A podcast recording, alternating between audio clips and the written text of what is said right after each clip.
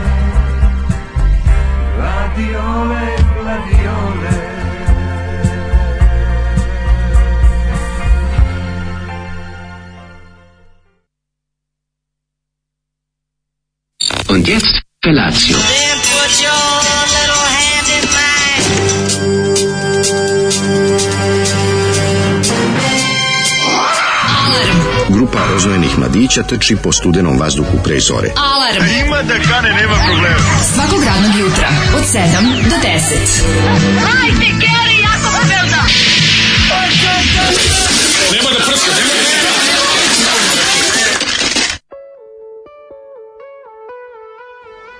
Yeah! Luis Pranić, Luis Pranić, slušali smo. Ljubi nas sve u Ali, ovaj, ali gladi dole je stari fazan koji treba uvijek iskoristiti ovako jutro. Tako je. ranog jutra gladi dole. Pa odmah neprijetno da bude. Dobro jutro, želimo vam za sve najlepše ovog e, ponedeljničnog jutra sa našim prelepim glasovima. Prvu i odnosno stvar sam želeo da kažem Dašku da mu još jednom ukažem pažnju i čast i da mu kažem da mu čestitam što je pa odlučio da naš novac potroši na slušalice, na stolicu i na ove predivne bustere koji nam prave ove glasove.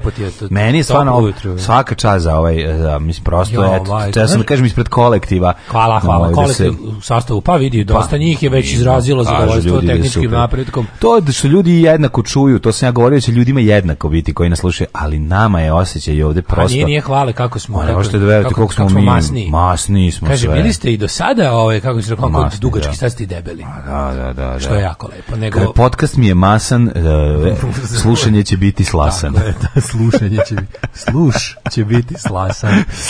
ja, mlađi, kako malo fali, malo je falilo da da danas ovde budeš ovaj usamljeni Gembo Spinka. Pa mogu sam biti, da usamljenik. A, ovaj, a nije još kasno, posle toliko boli glava da pa umrem. Ovaj. Ispadaju mi oči i lobanje. Ovaj. Pa, ali imaš auto, ovaj migrenu. Pa, pa boga mi nije, mislim da nešto drugo nazad mi boli migrena, napred boli. Aha. nisam migrenu imao već godinu. Zadnju migrenu. Znaš, nisam imao godinu već migrenu, onda kad sam bio kod onog ovaj, lekara koji mi je mm, ono... Kod migreniste. Kod migreniste koji mi je ono popravio, dao mi savjete, ali nešto mi ne znam šta je, jebote. Baš mi ono, oči mi ispadaju, da li a nije merio sam pritisak. a menja se vreme, pa te ono, ti si izgled, ti si taj psihopat, a meteoropata, izvini. kako mi spucalo sve, hoće poklopac da mi ispadne na pa temenu. Ono. pogled kakvo je vreme, znači stvarno je. Ali ja sam uzjehao moje malo biciklo i došao sam ovdje hrabro. Neka si. je, jevši pritom kod kuće, što nisam, ja mislim jedno već, pa mesecima nisam došao kod kuće. ostalo od večere? Ostalo su od večere bio, da, mhm, dobro. Neki kineski, Ne, bio, bečka šnicla, ovaj, e. bečka šnicla i leba ali sam, ali sam napravio, lep, napravio sam lep onaj dip od, od ovoga slatkog i slatkog sosa, barbecue sosa i karija. I belog luka. I bilo je lepo. Pa nisi udavio, znači. E, bilo je lijepo, ne... Boga mi pohvano meso i lep san kad jedeš, hoće, da, poće pa da, da, da, davi. Hoće, hoće da, davi. Jeste, ali sam ovaj uspeo da se... Inače... Prode ovaj- kravate, da, krene da davi. Da. A, kako se, to, kako se kaže, ovaj... Um, Bela, ovog, be, ovoga, bečki šnicle i leba, to ti je kao da slušaš, da, ti, da te sretne starih komšija recimo. pa tako otprilike. Krenete davi komšije, da, da, da. Stari komšija u Komšija kako ste i onda pauze. I kaže analgin i bog da te vidi, gladi dole, gladi dole najstariji fazon na svetu, kaže gladi dole fazon star koliko i biljka. Pa verovatno, verovatno. Ove gladiole su bile baš jadne težak je Luis Pranić, ne znam, bio smo ga slušali, ne znam da li je bila ova stvar. Znam da je puštao Luisa Pranića sigurno, jeste, a jeste, da... Luisa Pranić je ranije, a možda je bila gladidova. Moguće, pošto to jedino izdanje. A, bila je gladidova. Na svu sreću, drugovi iz komiteta su reagovali kad je mhm. krenuo da Ovaj da pravi pesmu, jedan single su mu dozvolili za pa diskus. Pa ne, su rekli ono kako ti nije sramota, znamo da si mislio na Gladiola. On kaže nisam, a sram te bilo perverznjako jedan. Gladiole, Prajić pa imaš i to hazburško ime zato što si iskvaren i zato što si bolesnik, perverznjak. I svašta su mu radili, onda su ga na, na, na, stezanje glave, ovaj u, u, u donjem štoju i tamo su ga izlečili od gada koji, kojim je... E, Luis Pranić Prana. Mhm. E, Prana. E, Prana, Prana se zvao, to sam zapamtio Prana se zvao filmski studio koji je snimio Anosferatu onog iz 22. Prana. Prana Studios, da, kompanija Možda Nemačka. Pirana, za, ne, ne, Prana, Prana. Šprana ko, za koju je radio ovaj Friedrich Wilhelm Murnau. E, dobro jutro, kuratori, stigoh u Kanadu u četvrtak, htedoh da vam se javim samo, krenule studije, čim ih završim, bit će inostrani Patreon. O, bravo. Srki kanadjanin. Mm -hmm. Ovaj, gladi dole, e, kaže, mislio sam da je ona Ela, Ela, Ela nikad neće završiti i čekao sam nestrpljivo Zolija, ali sam ipak zažalio. Dobar vam dan i srećan početak nedelje. Aha, išla Franz Gal pre toga, verovatno. Aha, hvala vam. Od ljubavi kad te dupe vole, turi malo gladiole, gladiole, gladi dole, bla bla bla i ostale šale. Sve šale, da, da. da. Jeste kur veličine, super Zoli krenuo sa gladi dole. E, da, to on misli na donji deo dvolitre da se stvaraš bađi. Verovatno. E, greje, greje da žbađ bude jači. Ovaj kao da nije dovoljno što je ponedeljak. Baš te zlotvori, kaže slušalica Marina. Hmm. E, ja bih molao da se obrati pažnja i na pesmu e, Vere Nešić Gladiole, refren Gladio mi gladiole, znao je šta žene vole. Oh, Vera Nešić je... moja. Vera Nešić kako Vera Nešić ima takav on prostakluk? Ja nju pa gladio mi gladiole, znao je šta žene vole, ne mora da znači. Mada... ajde, ono da. To je baš mi Da se pohvalim da sam ja isteru bajs do posla i to u Beogradu. Bravo, posao u Beogradu. A pa to je Tour de France, već Tour Svaka časa tebi. Što si ga izvadio? Evo, pa Što razdraga, razdraga nešto jutro, sve normalno. Pa imao sam juče uspješno snimanje. A, uspješno si snimio? je, ono, to ću ti pričati nakon što Koliko Koliko ste snimili epizoda? Četiri. epizode za cijeli dan. Razvalili smo, razvalili smo. Bil ti dopustio, razvališe ga. Ali smo ove, ovaj, imali kvalitetne četiri epizode sa dobrim gostovanjima o kojima ću vam pričati nakon što oslušamo grupu U. Sestre Milosrdnice. Sestre Milosrdnice, I križa, e, uboge pjesme Kada me ne vidiš, ja ne postojim. Dobro jutro. Dobro jutro.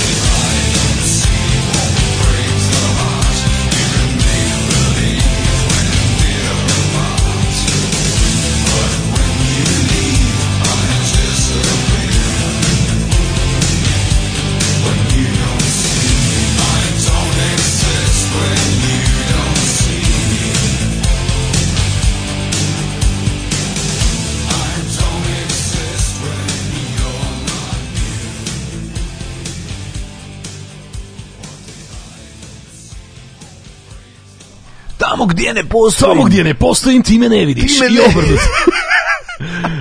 A, e, ovu stvar, Sestre kako Ljudi, kako ljudi vole ovu stvar. Uvijek kad, ja. E, ovaj, kad ovu pesmu pustiš nekom ili mm -hmm. okačiš negdje link ili nešto, uvijek se uvijek kaže, ja, ovo pesmu se nikad da. ne bi setio ova da, i odmah ri, ribe krenu da igraju onako, da, kao što album... se igra na mašincu 89. Ne, nismo mogli 89. Kada? pošto je izašlo 90. 90. A, na mašincu. Da, da, da. Ovo je Vision Thing i taj turne počeli iz Beograda, da, da, i Beograd. Kako ne? Sister si počeli smo bili centar sveta. Kad smo bili centar sveta. A sad smo Treći zadnji govno nasvirali. Delili karte, ovaj, kako ne? trebalo da se, ovaj, da se, da se odgovori neka pitanja. Bio je Andrew Eldridge gost na trećem kanalu. Ja sam imam rekompilaciju, jedna stvar je bila, jedan krug sam smislio, ovaj krug sam stvorio, a sledeća je išla ova.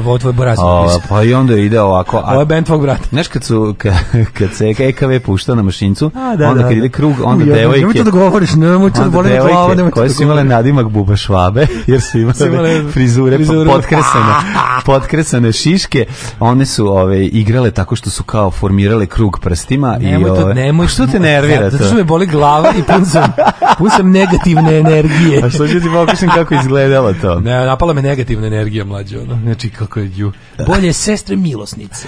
Sestre milosnice. Milostivice, milostivice, dobro... Znaš u nepokranom gradu kad ove da. služavke sve ove milostiva. Milostivice, tako ne. ih oslovljavaju. Pogotovo u onoj epizodi kada podmeću ovaj, u saksiji bombu u ovu kako se zove ustašama u pa u, u, sad, sad, u bombu u onom onom ono neku remont ne, četnicima u pečenje i ustašama u u svinjski file obožavam kako se nepokorni grad uvek bi mogao da dobro je nepokorni grad najbolje ja bih samo malo ubrzavao inače ja ga nego meni meni se sviđa i ta ne, ne mogu real time kada ustaše dolaze a evo to prinosi mi to i atmosferi jeste jeste u pravu si podseća me u skladu sa i tako prolaze u pravu si nije u redu što to govorim da mi je sporo ali ali eto kažem ti ono, znači... E, kaže ovako, kumar Stevan u dan 44 rođe, legendarni ženjin kum, kum Steva. Kum Steva, kum Steva kome nikad niko nije čuo glas. Nikomu nije čuo glas, on ja, čuti razbio Kao što Luisu niko nije video noge, tako je... Slešu oči. Slešu oči, tako, tako kumari niko nije video čuo glas. glas. Niko nije video glas i čuo oči. Ali, ali zato kada izađe na Mahagonsko polje i kada Bitka na Mahagonskom polju. Mahagonskom polju i kad pomeri pijuna, gotovo je, znači svi padaju. Kada svog malog crnog pijuna sa belom glavom. To je normalno, Int introvertni, ljudi razvaljuju šah. Karta je šaha. ne kaže, je ovaj himna COVID dinajra ne postojim ako me ne vidiš. Aha, vidiš, interesantno. Ja sam opet u 107 za slučaj da opet ne stisnete rec, badumte se. Dobro. Sad je opet smešno, vidite kako imate, kako pratite flow komedije. Dobro vam je flow. Dobar je. Ne, ne, mora, to, se uči, to se uči. Kad imaš nam nešto malo talenta za šalu, Tako ta isporuka dobrog fazona je sve stvar iskustva, Tako, sluha, vežbe i mhm. okolnosti. Mm Mladene, kako si proveo ovaj fenomenalan ovaj vikend je bio, oh, hvala Bogu, God sent. Baš bio, Bože, od petka, od kad smo rekli doviđenja, čujemo se u ponedjeljak pa do do ovog momenta kad sam se probudio pa me bola glava, sve je bilo divno. Prvo kaži ti kako je bilo. Imali smo predivan, stvarno vikend, ovaj, pre, prelepo vreme, to je bilo najvažnije i za istrčati djecu i za uživati na 30 stepena. A onda, ovi, ovaj, kako se zove, to je baš bilo lepo i, i petak i subota i nedelja. A onda Nekom. u ne, nedelja je bila stvarno što se tiče vremenskih prilika, mislim za, jednog čoveka koji snima outdoor, ja moram reći da je to bila bogom dana nedelja za snimit.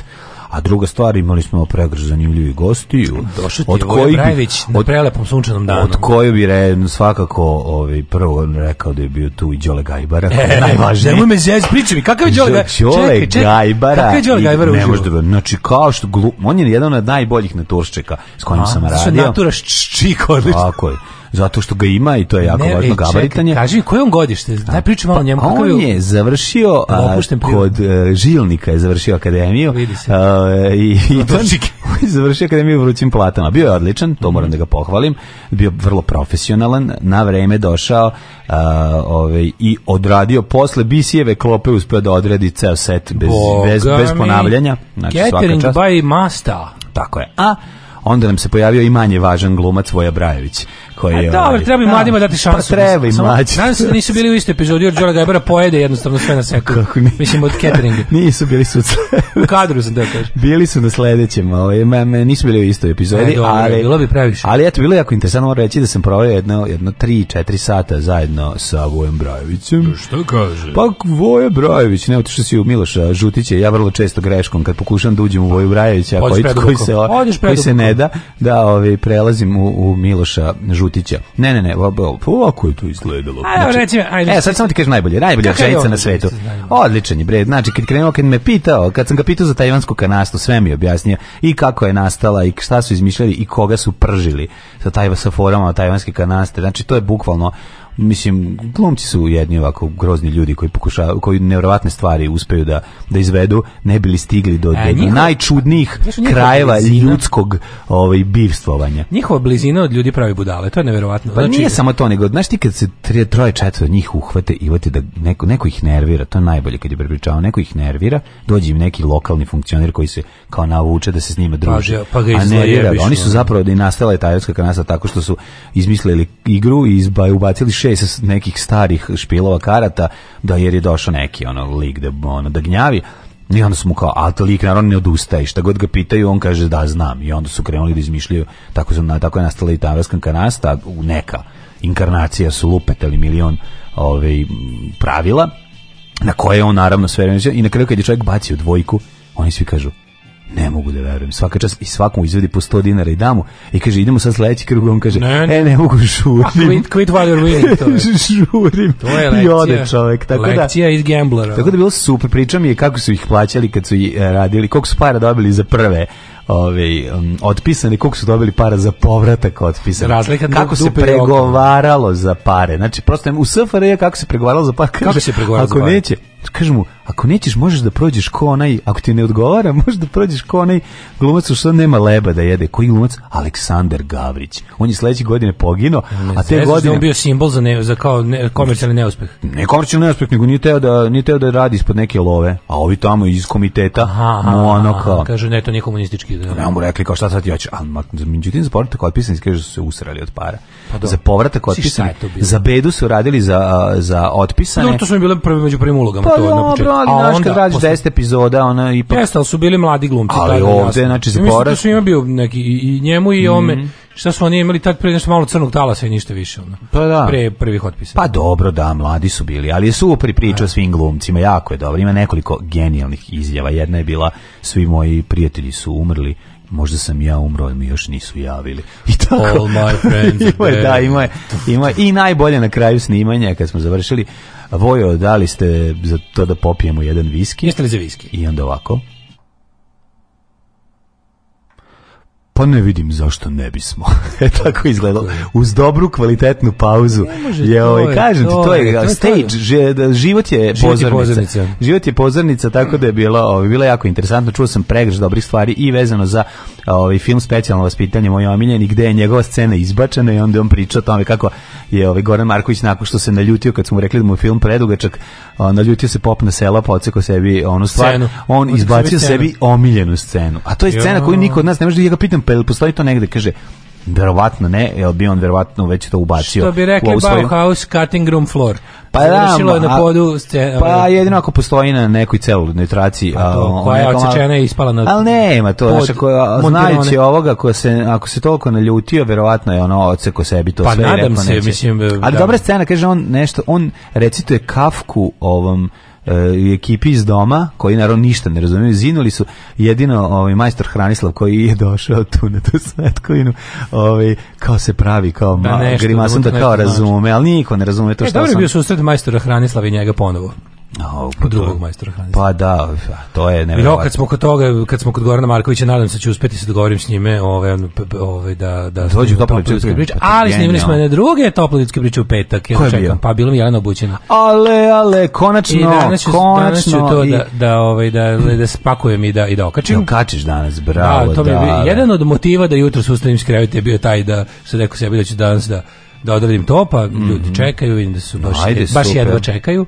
Tako da mi ono naš ono lepo počeo vikend, to smo tako da neko naš jedna od njih stvari kad kad onako, onako budeš zadovoljan uređenim, pa bi da vidiš da i, da i ostali čuju što pre šta znači. Goran Marković ako ne dođe u studiju u kome visi njegova fotografija, on to originalna fotografija. Da, da, da, čekam da se to desi pa da ono padne u nesvest. Kaže, zašto imate moju fotografiju pravu iz sa početka 80-ih recimo ovaj uramljen u studiju još jednu ali da je najbolje a onda ćemo da ga velik bude razočarenje stavićemo i Kusturica kada on alazi. Mm. jednog pored drugog šalim se šalim se a, imamo gospode šalim imamo Kusturicu sliku zalepljenu u veće šolje da ga prolivom ovaj ali je bio stvarno ovaj onda mi je bilo super što se tako sve kako lepo teklo posle toga tu bi punk no. festival moj prvi odlazak na svirku posle godine po uživao baš je bilo super pa, da. a to je lepo bilo mi super gledao sam dobre bendove gledao sam ovaj kako se zove video se s drugarima, onako taj pa, neki, taj neki feeling ovaj, da da kako ti kažem... Osjećaj za feeling. Što dobro osjećaj koji nisam imao milijardu godina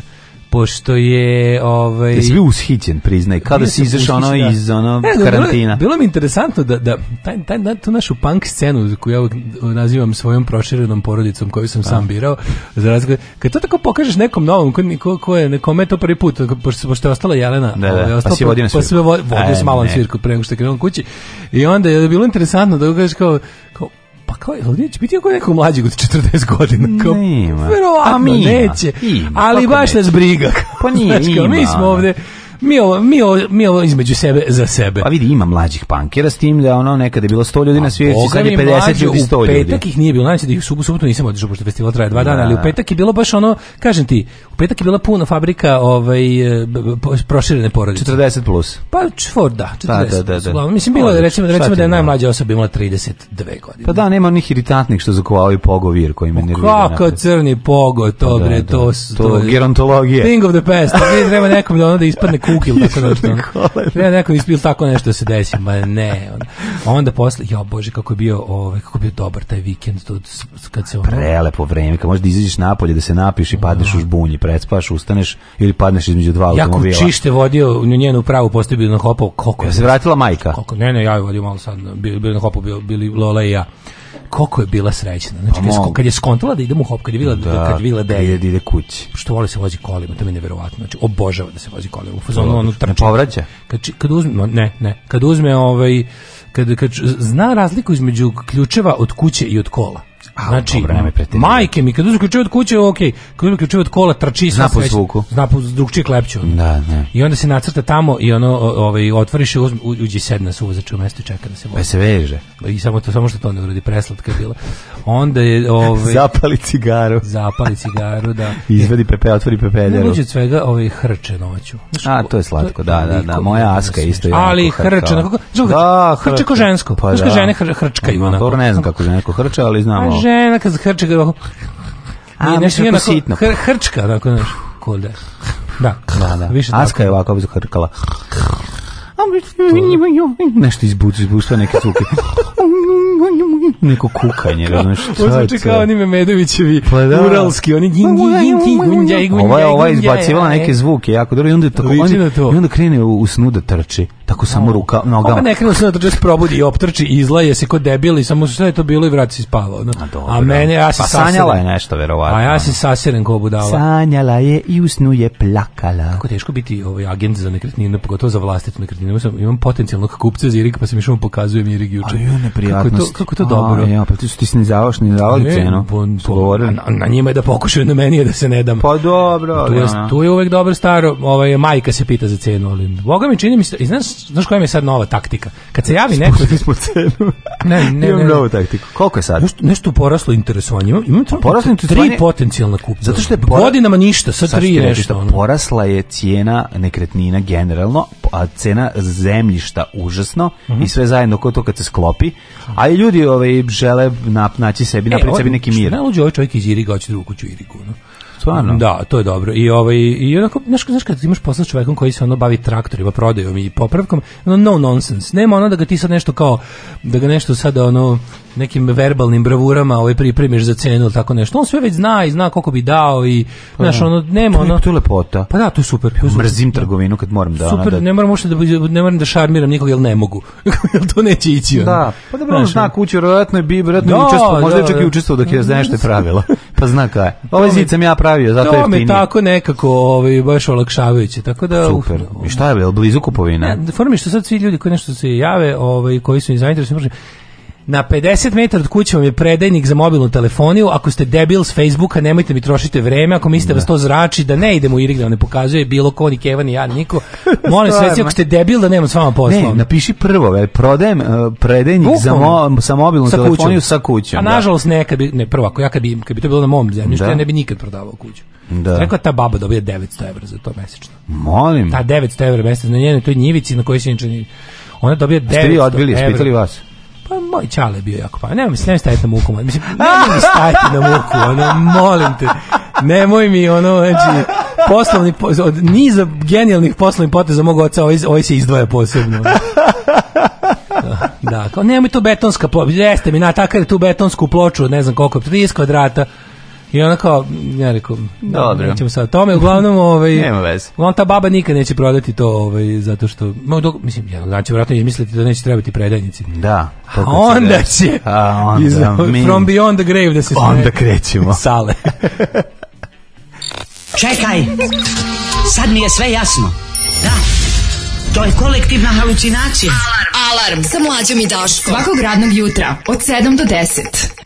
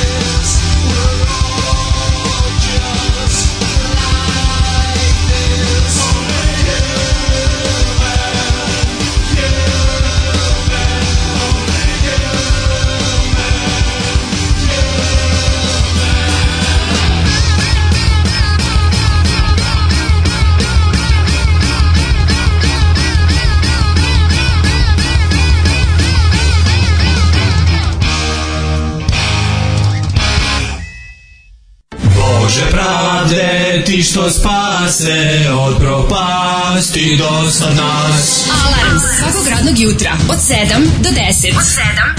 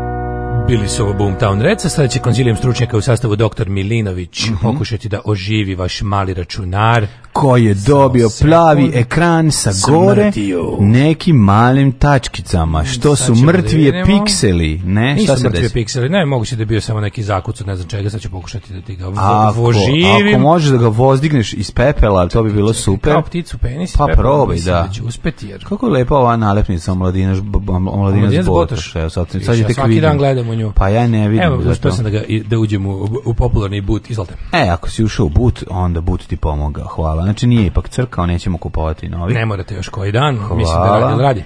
Kako ne radi, kuzmi moj. E, Kuzmi je masno ćebe. Ove, Hakerska ko, akademija. Ko sve na oko. Hakerska akademija braće Karić klasa 99. E, au, au. Um, poruke, poruke. čemer, hvala poruku sam napisao da VIP ne da da se pošalje. Znaš šta je unutra, ono čovjek garanti iz nekog ono podvodnog hotela na Mauriciju su nam poslao kako mu raža Kenja na, na prozor dok se budi. Ne mogu više da trpimo, da, da, da, da mi se ono Ajkula 3D zaleće u, u, u prozor. Da li je Voje Bravić došao u jugu u kom je vođio Emiliju ili Reno Petici u kom je pobegao od života? E, ne, pobe, Reno Petice, pa mislim seriju, pratimo seriju. Predugo ste zajedno, dobro vam je kad ste razdvojeni za vikend, čim se zbližite ponedjeljak i nju boli glava. Mm, e, moguće. Kaže, dobro jutro, drugo jutro s Google Photos Memory Tokio pre tri godine, sećam se, slušao sam vas kao popodnevni program tih dana. kako to divno. U, je baš dobro čemer, hvala. Da, to je baš ono... To je Izgubljeni u prevodu, izgubljeni u prevodu prevodnici. izgubljeni u prevodnici. E, kaže, ovaj, učini da se od jutra osetim dvostruko privilegovan. Em sam bila na svirki stara pre koju deceniju, em sam čula Steven e, glas. Nastavite. Mm -hmm. Bog te čoveče. E, mladen, kad hoće da uđe Vojbravić pa sklizne u Miloša Žutića, dovedi i mlađu u tople ljudske priče, pa da Gorana Markovića postavlja pitanje iz knjige Rajka Grlića. Počinje opet da pevaš Daško iz tvojih storija na tubi, sa tubi panka, vidim da su svi pevači čelovci Ovaj, dobar je Voja, ali Iskra Brajović. Pa to bi bile tople ljudske priče. Mlađi e, bra, mlađi zove Branko Veselinović u e, ako bi to neko uspio a to možete vi možda. Da. Da je, znači bilo šta, samo se pojede da kaže reč ili nešto, da bude najstarija glumica na filmu. Ja ne znam je bilo stari glumaca, ono još u A ne znam ako prežive. Kirk Douglas su 103. godine nije već. Ako još, četiri još, 20 godina Ako još 4 godine budu bile žive, ona i Mira Banjac, pa da u posljednjoj epizodi uđu kao Frašilovićka i baba. Pa. To bi bilo... pa snimite to sada je. Pa ne možeš sad. ja. Ne možeš, ti nemaš predvidjeti kraj te serije, to niko ne zna šta će se desiti. Jao, čovječe. će svi postati vampiri. Napravite nešto. Kao od sumraka do praskozorja. Koliko bi bilo carski da Branka Veselinović nešto? Samo ima jedan line. bilo bi super da uđe, kažem ti, ono, zašto bi Branko Veselinović koristio za bilo šta, osim za jednu samo ulogu, a to je da ono, Daško, ima 400 godina. Daško abortira ptice vazdušom. Ne, brinite, naravno, znate da jaja koje sam gađao vazdušnom puškom je već i samo po sebi bilo bilo tri mjeseca stalo u frižideru, tako da... Gađao si sebe u, u vazu sa puškom sebe u jaja, jaja da. sebe u jaja svaka pa, čast. Da, sad sam već malo stariji, pa mi se otegle, pa mogu da stavim. Može da gađaš. Da stavim na drvo, pa da gađam s 15 metara. Onda. Stak, starim ljudima se otegle jaje. Pa znam kako Ove, ne. Kako. Ovaj, meni je ovo po, meni opasno, upadnu mi u od bajsa? Ma kako ne, onda okrećem brže, pošto mi golica. A to prosto ne ću poklonit ću ti ovi šorce za uz jaja. Da, treba mi, ako imaš neko bež šorce da mi se slaže uz jaja, to bi Ko bilo niste, super. pogledajte korejsku seriju Squid Game. Korejsku Squid Game. Nisam baš siguran da mi se gleda bilo šta ko, mm. južno jugoistočno azijsko, istočno azijsko da je Squid zato što imam loše iskustva sa Octopus and Squid u njihovim klipovima. Mm. Šalim se. Zli kapitalizam u borbi protiv malog čoveka. Squid Game. Pogledat ćemo. Ja, boga mi, korejsko, sve što sam gledao u zadnjih. Sve je dobro korejsko. Sve je dobro jebote. Sve je sve dobro korejsko, uključujući i Samsunga. I Samsunga. I Samsung. I Samsung. Success. Samsung. Success. Um, genijalni poslovni potezi mogaoca. Imao je uh, e, koji će nam kure zemlje sa šumom na Fruškoj gori 80-ih. Mhm. A u slučaju kad smo otišli segde napunili kola u kori pa pojeli sve što smo kupili bez da prodamo jednu čokoladu, neću da pričam. Mm, do, no Means No za dobro jutro, svaka čast. Neko, ne, da, slušali smo No Means No i posle toga smo slušali Boomtown Reds. Mm -hmm. Ove, ovaj, um, odlična ta serija, kaže Đole. Šta vam kažem kod poslovnih po, ove, ovaj, poteza? Šta vam kažem, džojstici bez kompjutera, dovoljno je samo Dobro, to nije poslovni potez, to vama doneo pa, poklon. To nije isto. Mislim, ja ovo se radi? Pa nije, nije. Pa ne možeš onet, mislim, ako je doneseš jedno, onda ne doneseš drugo. Poslovni potez, to je blentavost, SSH. Poslovni potez je kad ono, recimo, šta je poslovni potez? Poslovni potez, recimo, kad napriš uzgajačnicu ptica na buku, buku Vukovcu gde nema struje i e, vode. e, to je dobro. Pa je poslednji potez kad e, uložiš u veštački mermer koji ne uništi i uništiv. Pa, pa, pa je ovaj, poslednji potez recimo kad otvoriš malu budicu za prodaju ugnikatnog nakita. Pa da. Da, koji možeš da staviš na Ne, ja sam apsolutno siguran da su to da je to ista poslovna pa, akademija. To je poslovna akademija. Naši očevi su klasiči ono, na to. Ovaj. Ono. Tako je, to je poslovna akademija Dimitrije Lazarov Raša. Ne, to Dimitrije, Dimitri, ovaj kako se zove? Dimitri Tupanović. Tupanov. da, da, Danilo Lazović. Bez, mo, bez Mozgović. Dimitri Bezmozgović Tupanov. Tupanov, e, to je ta akademija, da. Ajmo prošlosta. Ajde. Let's go!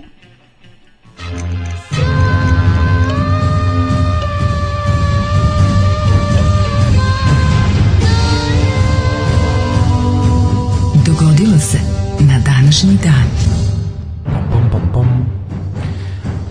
Google, 27. septembra. Google slavi 23 godine danas. Ne, neka mu je 23 godine. A, e, tako brzo, sve je proletelo kao 24 godine. Uvijek kad je neka godišnica Google, ja volim da istaknem da sam imao sajt pre mhm, Google. Mm -hmm. Ja sam imao Google pre sajta.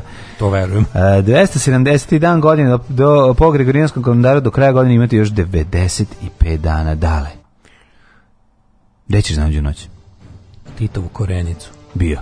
Korenici? Mm. Već u Kostajnici. Bio si ti i u Titovoj i u običnoj ne postoji to je korenice sad, svaka, sad, korenice sad što se mene tiče svaka je Titova. Je, svaka je Titova, tako lepo Ne, A, a jesam bio u u u u u, Daj Ogulin. Bio sam ali nisam bio u Virovitici. Karlobag. Nisam bio u Virovitici. Taj stare granice. Ali nikad nisam bio u Virovitici. Nisi bio u Virovitici. Dobro prošao. Da, da, da. da. Mada su strmelitice oko Virovitice, opet bih došao. Jo, kako me nervira. Stare, ta super pesma. Joj, ne znam, sad kad si ti ovo izveo, e, poželeo e, sam ja da te povim torpedom. Ja sam koji je ti ostao. Jeste, tako da čuvajte me, čuvajte me, mažite me govnima. pravit ću Pravić. Uh, 27. september, um, 27. september je Mhm. Rođendan moje pokojne babi Jovanke. E, e srećan rođendan. Koja mi je ostavila onu mondensku nekretninu u kojoj živim. Ostavila lepu nekretninu. A, pa jeste. Svaka čast. E, danas je svjetski dan turizma i naturizma. Dobro, ali ostavila ti i Bez turizma. Naturizma. Ostavila ti gore u kući ovu, kako se zove, Jelicu Sretenović zajedno sa, sa, sa, sa Japancem. A, pa da. Njihovih milion dece. Sa Japancem, ali dobro, šta sad, ne može. svjetski dan turizma i naturizma, mladene. Bez mm -hmm. naturizma, sam izmislio. Ali... Svjetski dan turizma je danas. dan turizma, da. Nevjerojatno. To je, to, je grana, to je grana ekonomije koja je najviše propatila zbog, zbog ove krize. Mm, pa jeste. Epidemije. Da, da. da. Thomas Cook, prva turistička agencija, tako. on je prvi poveo ljude na putovanje koje nije imalo nikakvu svrhu. Da im dupe vidi put Prvi da, turizam je zapravo, e, moto turizma je da vam dupe vidi put. Jer pre toga su ljudi putovali s nekim razlogom. Znači, ne, nisi išlo na put ako nemaš neki dobar razlog. I nisi išlo baš daleko, mislim. Ne. Thomas Cook je to promenio i izmislio je nešto što se zvalo turistička da, tura. I po, odakle poveo ljude iz Londona u Pariz. Tako, da, govorilo, pisalo je Your ass to see the road. Yes. Je tako? May your ass see the road. Thomas Cook Agency. Booking now. Kako bi to bilo?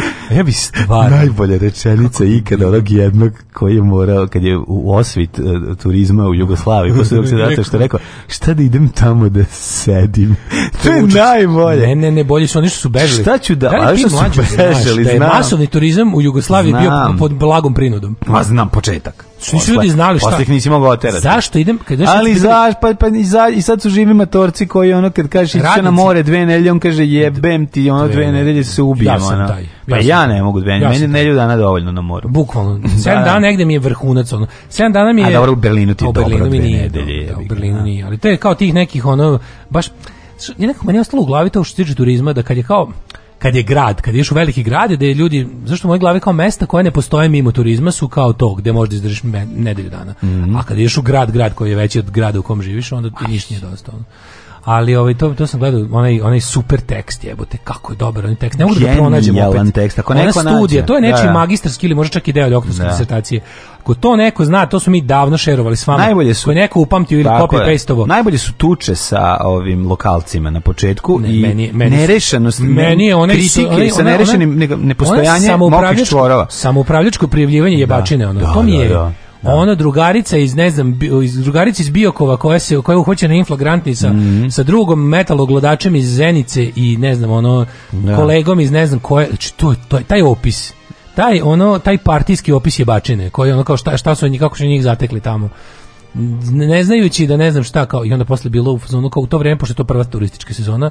oni su znači ljudi u budući samo zato ići na more. ne, to je genijalno sve. Ceo taj, ce, ceo taj tekst pa sa svim onaj... tim momentima unutra koji su, koji su beskrajno ljudski i presmešni. Onaj čovjek... To je baš komedija. E, to, napiš, to je komedija. To je komedija. To, to bi naš, ono, prvo letovanje, četvrte, 51. Da, trebalo bi da se zove. Kad je trebalo? Koliko je godina je prošlo? To je neka, mislim, 57. Tako pa, nešto. tako nešto. I onda su ovi, ovaj, iz, ne znam, tamo neke partijske organizacije iz Lupiću, mm. ono, Kraljeva, dobili, zada, da dobili zadatak da navate od 50 radnika iz magnohroma lupetam, da odu na more. I onda to je bilo kao, što, niko neće dobrovoljno prijavio, misliš ne znam šta je. Šta da radim, da idem. Ni za se dobrovoljno prijavljuš. Evo kad si išla na more, završili na golom otoku pa za jebi. Prilike. Da, da, da. da. Ovi, ovaj, e, događaj na dan 27. rujna su mhm, sledeći. Mm -hmm, izvolite. 1540.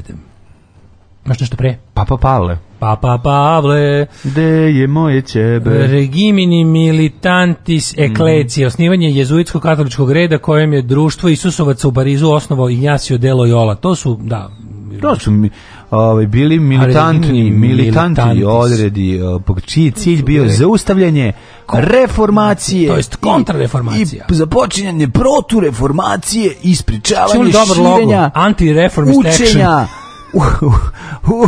učenja Martina Lutera. Bravo da. Zamisli antireformist action su imali, ovi e. nalepnice su pravili.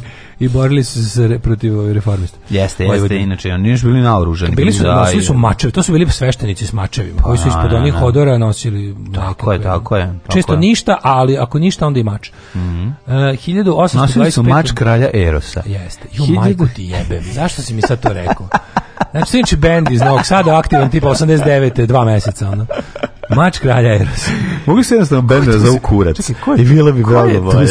Ne mogu se moje glavi to ima neke veze, u, ne znam zašto. Sa pečatom. Sa, ne, u moje glavi to ima veze sa Mr. Jointom i ponoćnim kaubojem. Ali verovatno nema, nego sam ja... Nema veze, nego sam što... kako je Mr. Joint i ponoćni kaubojem? nema veze. Možda neko iz ponoćnog svira svirao Mač Kralja sa eventualno. Hiljadu... ali Mr. neko, niko iz Mr. Jointa nije svirao tamo. 1825. Uh, e, prvom u svetu javnom željezničkom prugom Darlington Stockton u sredistočnoj Engleskoj krenuo je voz s prvom parom lokomotivom koji je upravljao Konstruktor George Stevenson. George Stevenson, faca jedna velika. 1905. Tek imaš nešto između? Um, nemam ni to. 1905. Fizič, fizički žurnal je objavio četiri, e, četvrti na, naučni rad Alberta Einsteina. Da li inercija tela zavisi od njegovog e, energetskog sadržaja, u kom je prvi put predstavljena jebačina E jednako MC na kvadrat. Da. Neverovatno. E jednako MC, a svi znamo da je Mileo Marić dodalo ono kvadrat. Na kvadrat. Inače, ništa je bilo toga. Tako je.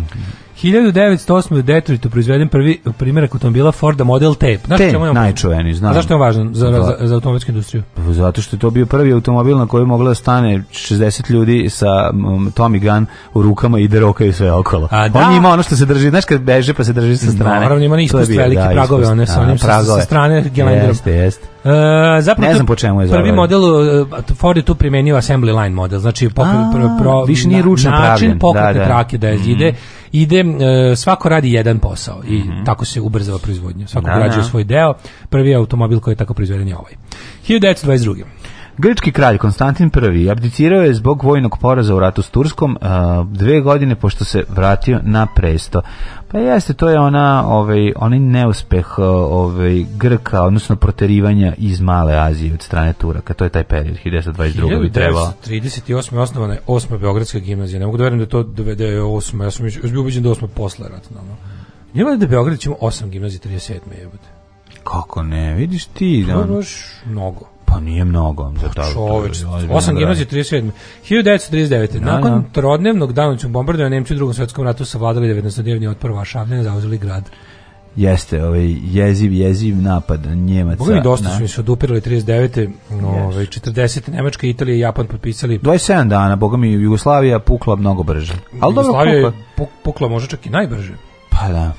E, od nekih zemalja koje su kao pružile otpor. Mm -hmm. E, Nemački, Italija i Japan potpisali u Berlinu desetogodišnji vojni ekonomski pakt poza pod nazivom Osovina Berlin, Rim, Tokio. Mm -hmm. 1947. U Varšavi je osnovan informacijani biro komunističkih i radničkih partija, Inforbiro, Savjetodavno koordinaciono telo devet evropskih komunističkih i radničkih partija osnovano na inicijativu Sovjetskog saveza, a središte mu je 48. bilo u Beo, do 48. u Beogradu, potom u Bukureštu. To je trebalo da bude neka vrsta kominterne sledeće, mm koja, mhm. pošto je o, treći kominterna raspuštena 43. E sad posle toga je ovaj napravljeno kao zemlje koja će biti malo ono, biti sovjetska interesna zona. Mi smo bili u njoj godinu dana, a onda smo ovaj zbog zglazavanja je informirao premešten centralu što mi smo izbočeni iz toga. Mm, da, da. 48. E, u SAD su lovci na komunisti objavili mene atomskih znanstvenika koji su navodno špionirali za SSSR. E, da, to je uglavnom bio bullshit. Da se ispostavilo da taj ono da tu nije bilo ničega. Ali je to bio početak te takozvane od crvene pretnje ili red scare, ko zbog kojih su mnogi ljudi, boga mi, on ostali bez mogućnosti da, da zarađuju, a no, bilo, je, i ono. direktno mm. ovaj, ubijenih ovaj, Rosenbergovi, recimo. Njih su smaknuli električne stolici, ili tako? Da, ili u gasnoj komori. Gasne komori. stolici i električne komori. U Jemenu je u vojnom udaru pukovnik Abdul al-Salal oborio monarhiju i proglasio jemensku Arapsku republiku. Znaš čuvanje njehovu himnu dođi na morski Jemen. da, ali da je tragedija. Ono. Na, 51. iranska vojska zauzela britansku naftnu rafineriju mm -hmm. Abadan koja je potom službeno podržavljena. 52. Mhm. Sovjetski savez uh, odbio je državni sporazum sa Austrijom, to je pojma čemu se radilo, ali mislim da su tu oni sveže izašli iz ovaj svoje zone u Beču. Mm -hmm. 62. u Jemen, da se rekao 64. Vorenova komisija. Mm -hmm. Posle 10 mesečne istrage saopštio da Lee Harvey Oswald bio jedini atentator na predsjednika SED Johna Kennedy-a 63. su, kasnije istraživanje su pokazala da su uh, da Oswald koji je ubijen dva dana posle atentata sigurno nije bio jedin atentator, a možda čak nije ni učestvovao u atentatu. Mm šta je bilo s tim? Sećam se priče da je to kao nakon suđenja koje je završeno neke tamo u kraju 60-ih, da je stavljen neki moratorijum od 50 godina na, na ono što se kaže declassification of documents, to je isteklo, ali se nešto ne znam, ne sjećam se da se to desilo ja ne znam da su li ono, to ljudima više nije interesantno, pa, pa ovaj. interesantno. Pa jako inter, pa mislim onda ne znam zašto čudim, neko čudim nije. Čudi me da li je produžen ono taj kako bih rekao taj classified period ili šta. Verovatno dok god su živi ovi akteri. 68. potprilike portugalski diktator Salazar koji je 32. zaveo autoritarni režim u Portugalu povukao se s mesta premijera nakon moždanog udara. Da, režim je potrešao godinu, a onda je u revoluciji crvenih karamfila oboren. 1970. Mm -hmm. Na inicijativu predsjednika Nasera, kralj Jordana Hussein i vođe palestinskog nacionalnog Aser Afra potpisali su u Kairu sporazum o okončanju građanskog rata u Jordanu. Ja kad bi recimo bio predsjednik e, Egipta, je, moje ime je bilo Zaser. Zaser, tako, User. User. E, uh, 73. UNESCO zajamčio kredit od 500 milijuna dolara za spas Venecije koja je polagana tone. Mm. Baš sam skoro sam nešto objašnjavao taksisti ne najsmešnije Koliko je ženu UNESCO ima para? Kada, kada taksista nešto kaže pa, pa, pa, vidiš, da nešto, vidiš da je dobar, da, da mu vredi nešto objasniti. Mm. Da nije, da nije lost cause, ono, da, nego da mu malo samo nešto nije. Šta si mu rekao? Pa to nešto je krenuo da, da, da, ovaj, da priča i onda je rekao kao, ne veruje on u globalno to, kao, ali onda je rekao da je bio u Veneciji sa ženom i da je video da, mu to, znači onda kao, ali Kaže, bila je moja čerka, opet kako to, kad oni kao, kad smo bili žene ja, bilo je, tonulo je kao, znaš, i videlo se to i mi smo vidjeli. A onda je bila moja čerka poslije i rekla da se ponovo kao, je rekao, pa zašto oni tamo rade, oni to kao podižu Veneciju, to je ogroman kao projekat koji a nisam to znao, znači oni ti podižu Veneciju, a stiže i objasnimo kao podiže se kao nivo. I onda, ona to ona, MC se sve mora Venecija za napred i Venecija za gore. napred i gore i onda rekao, a, stvarno, da, da, da. Tako bi došao, kao vidim da sam u ovaj, da, kao da sam u nešto, kao da sam upalio neko svetlo. Ono. Upalio si svetlo, da on mm. ugasio informerom koji mu je stavio pored. ne, znam, ono. neka, neka, neka, ne, ja ne govorim zarad, zarad toga da bi tebe obeshrabrio. Nek si rekao, ja mislim da taj, te, tako se, pa, vredi, pa moraš biti prosvetitelj. Možeš biti drugučaj. Tako je, budi prosvetitelj. Ovaj da si te bradić za jako siromašne. Mm 91 i Velika Britanija su obnovili diplomatske odnose koje je Teheran prekinuo u martu 89. zbog sadanskih stihova. E, zbog e, Salmana Ruždija, mhm. ali su oni podinuti na ambasadorski nivo tek 98. kada je ovaj podigo fatvu i rekao u redu ne je više dužnost svakog pravog muslimana da nađe i ubije Salmana Ruždija, bilo gdje na svetu. Majko, moj, kako to strašno, kad, je, kad ti baci na tebe takvu, ono, takvu fatvu da da, da je dužnost svakog čovjeka, svakog muslimana. Bude malko lakše, pošto on bi ipak poglavar svih šitskih muslimana, sve to sunici, ga ne bi živu glavu poslušali, jer je to ogromna da. šizma, njih ima osetno manje od ovih drugih. Tako da, Dobro, ako, trebate jure, ono- ako trebate jure muslimane, boljete jure manjina. ako mislim od svih na svetu. Bojete ne jure. Pa, pa boljete ne jure, ali ako mm. neko. Ove, ovaj, je, verovali ne, na današnji dan, ovaj, počeo šahovski turnir u Tilburgu 97. a snage Talibana zauzele glavni grad Afganistan Kabul i obesile Nadžibulaha, šefa države. 2015. pojavila se uh, Vitlemska zvezda posle više od 2000 godina. Pa čekaj bre. Ove, ima si i više desetina hiljada ljudi u centru Beograda i oko pola miliona širom Srbije burno su pozdravili proglašenje izborne pobede demokratske opozicije Srbije mm -hmm. na izborima 24. septembra. E sad fora je što E, Milošević je izmislio da postoji drugi krug i da, da nije nije gotovo, ljubit ćete ponovo. Međutim, nije Ali onda je naša opozicija srpska imala jel, snagu i logistiku i, i sve I ostalo. podršku zapada. I podršku zapada, što, je najvažnije. najvažnije se ne Da, izvede niz ono, pa, gotovo revolucionih hakata tipa uh, generalnog štrajka, kolubara, ti sećaš da te da su da Tako je, tako je. Možeš da zamisliš danas opoziciju koja poziva ljude da ne idu na posao dok se mhm. Vučić ne skloni da neko posluša mislim, ne. imali smo eksploziju gasa u rudniku uglja, poginulo 118 rudara u Kini 2000-te. Uh, 2001. napadač u policijskoj uniformi upao na sednicu lokalne skupštine švajcarskog kantona Zug, ubio 13 i ranio 15 ljudi, atentator i potom izvršio sam ubistvo, nije se da ne sjećam. 2006. je Momčilo Krajišnik osuđen pred tribunalom za ratne zločine i zločine protiv čovečnosti na 27 godina zatvora.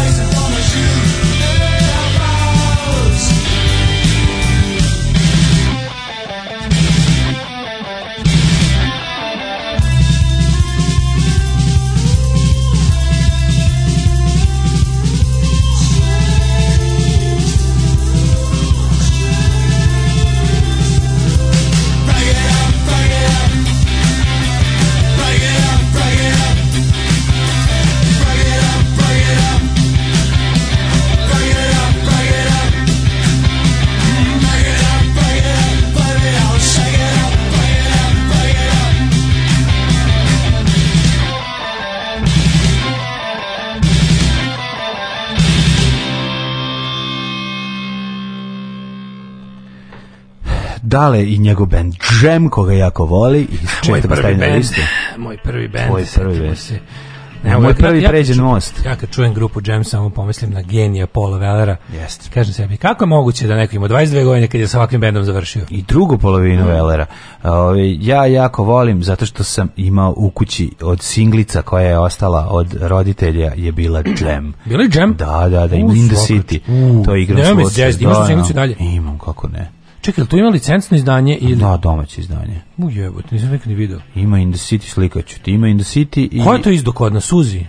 Pa sad ne Ko je Polidor kod nas izdavao čoveče? Nemam pojma, to je toliko nevažno. Bitno ja ne da ima domaće izdanje. A, ne, ne, ne, ne, re, albume im je izdavao RT Pa, verovatno, verovatno mlađi Ove, mlađo, nema šanse da se završi serija pretvori sve u zombi i teriš 20 sezona, imate veći vampira.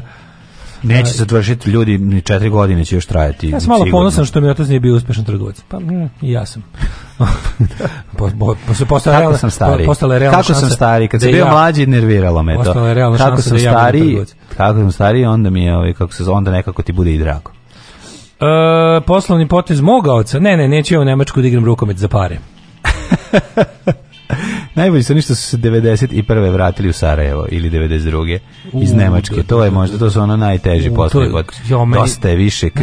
sedam godina ima dete, treba da krene u Nemačku školu, za jebiti i to vraćamo se mi u Jugoslaviju. Sa dobro. Ante Marković sve i vratite se nazad. Naši prijatelji iz ono. Sarajeva. A naši prijatelji Znam još takvih ljudi. A da, to je najstrašnije. Znam još takvih ljudi. I što je najgore, oni su došli i bilo im je godinu dana najlepšu životu. On kad, ti naši prijatelji pričaju pa kažu to 90 na 91. Ante Marković, ovo ovaj je naš od ono dobar posao u tasu i ostalo. Meni Walkman i lopta, bre. U, Walkman i lopta. Walkman i lopta u Pa da, oni prašku, su ladno, oni pa su pa ladno skoknuli iz Sarajeva do Giovanni u Novom Sadu i to kao pa, ono, znaš. Pa naravno. Ko ispačiš, što kažu Pidoviš pa kod drugara da se vidiš s njima, to je da, život. Da, da, da. Ste na, ste na reklamu za plazma keks, onaj crni keks, isti ko govno koje govori South Park, Mr. Henke Nisam video. 12 dana bi jednom na Majorci izdržao nekako. Dobri, jučemer, hvala. Dobri su ovi keksi ti um, plazmini, te kombinacije je tipa ona kocka, ona plazma i ono slično. To je vrlo ukusno. Znaš tri egipatska kralja usera, nasera i podasera? e, da ti baba osila kući na hvaru dva mjeseca bi bio na moru. ovo je ovo neka izreka, neka jako pametna izreka. E, da ti je baba, naš, naš dima ti tako nekih. Ono. Ko je bio pametan pa uzeo? Je li ova reč fatva zvuči kao da nešto smrdi? Da malo fatva. Malo fatva. Malo mi fatva. To je kao jače od kandi. A najjače je Bađuga. Bađuga, strašno. Bađuga. Ala Bađuga. Ko je autor svih tih kandi? Kandi. Mm, kandi, Bađuga ima... Kandiše. Pa Kandiše. Kandije, e, ali kandi je skraćen od Kandiše. Da, da, Kandi je Kandiše, ali meni u mojoj glavi je Kandiše kad nešto smrdi zbog toga što gori kao, da, da tako, pa kao nešto, nešto zbog kandila, verovatno. Pa zbog kandila ti ostalo Kandila i nebojšila. Da, kandiše, kandiše. Nešto kandiše, to mi tako malo, mm. -hmm. kanditi, ono što, onda bađuga, čekaj što ima, bazdi. Bazdi je ono, znači... Bazdi je baš ono kao veđu da. pičku. Ono, bazdi pa zdiba, ono, zdiba. U, zdiba, pa i onda, ovaj, dobro ima i ono kisi, Al da, to je kad stari. Dobar fazon, što kisi. dobar fazon iz poruke. Hmm? Ko su najveći poštovaci Kasparova na svetu? Ko? Novosadjani, sve oslovljavaju se Gari. Kako je dobro. Čuj, nemoj užasno. Ne. Prejedno je. Pa, uh. Realno tada, pred 5. oktober e, opozicije držale i mnoge lokalne samouprave što je mnogo pomoglo. Sećam se da su mi tada zatvarali pijace po Novom Sadu, zato ovi danas ne idu ni mesnu zajednicu. Preventiva je čudo. Insajderi iz tržnice. Da, da, vjerovatno je to razlog. Pa da, vidite, mi ne razmišljamo pa zašto, zašto gasiš sve. o Veneci vapije da bude oslikana vodenim bojama pod imenom Daško prosvećuje taksist. Pa, Apsolutno, ako može gospodin iz Kraljeva, dakle. Dakle, gospodin, je iz Kraljeva? Ovo ovaj je majstor. Majstor iz Kraljeva, da. Nenad. Ne, ja se Nenad iz Kraljeva. Nenad, samo iz Kraljeva, ako može ovi, u, u, u, u ovim uljenim bojama, to jest temperom, temperom na papiru, da bude Daško go prosvećuje taksistu, baš bi bilo super. A u čoveče, zaboravili smo izraze, ovdje stiglo 5-6 poruka sa vonja. Vonja. Vonja. Mm Ove, ja čekam da Suzi izda Vučića. Ovo dobar, ovaj je dobar. A ovaj je dobar. Ovaj je, ovaj bio pametan, dobar. By the way, kompanija Suzi još uvijek postoji. Svojim drugarima igram iz Zagreba što će da radi neka reizdanja kao, kao ne, još uvijek postoji, imaju čak i prostorije, ne znam šta, iz nešto lice, radi music licensing ili nešto, ono, postoji ta firma i dalje. Mm kaže Daško, a i mlađo, kad opet budeš išao u Beograd, neki sastanak svratio Giovanni pizzeriju, baš i u centru, pizza je vrhunska. Ja jako volim picu, kako se zove jebote? Hoćemo. Sam stade mi zakmo u Beogradu kojem je najbolja pizza. Uroš pizzerija. Pa, si bio u pizzeriji Uroš? Si bio u pizzeriji Baba Višnja? Je, kako ne. Si bio u starom Beogradu? Meni je najbolje kad konzerve. Ženja se setio još jednog dobrog. Proizvođač konzervi, e, čuje se sardina. Malo. čuje se, čuje se malo. Čuje se malo. Čuješ se malo. Ove, ovaj, konzervi Stari Beograd, to mi O, da, da, da. da. kao ono kako gleda Stari Beograd, a ono to, to, je, to je, Ljudi misle da to, firma. ljudi su to sad kao ponovno provalili, kao, a vidi kako se zove, to je baš Ja sam pročitao, ja sam pročitao Stari Beograd, kao, pošto mislim Biograd na Biograd na moru. Da, pogledam, pa nije ovo stvar stari Da vidimo, The Rođendanes. Mm. The Rođendanes. Ajde. Prvi rođendan kod mene je svakako Vaclav e, drugi. Pšemisl. Pšemisl, kralj Češke i Poljske. Pšemislavci. Ništa novo pod suncem. 1601. 1389. Izvolite. Verovati ili ne, te godine je bilo još događaj u svetu. Šta je bilo? Kozimo Zvezda povedila. de Medici, Firentin, Firentinski bankar. Kozimo de Medici. 1599. Uje, obojica smo osim. Rođen je u tom trenutku Kozimo me demediči Nisi to teo da kažeš? Jeste, 1599. Mhm. Francesco Borromini, italijanski arhitekt te Cipar. 1601. Aha. Louis XIII, francuski kralj. 1601. Rođen Jacques Benin Bossier, francuski klasicistički književnik te katolički svećenik. Gracija Deleda ma Marija Gracija de Kučinota. 1871. Dobitnica Nobelove nagrade za književnost. No, pa ti nisi, nemaš ni Alfonsa Ligorija, i italijanskog sveca, kao ni Mihovila Nakovića, pisate učitelja iz Gradišća. A to mi je žao, Mihovil Naković bi volao da je bila osnovna škola u kojoj Dragan Naković, 1862. rođen Luis Bota, južnoafrički general i državnik. Koji si ti rekao? E, uh, 1862. Znaš što se svi u Južnoj Africi prezivaju Bota? Ne znam, 1901.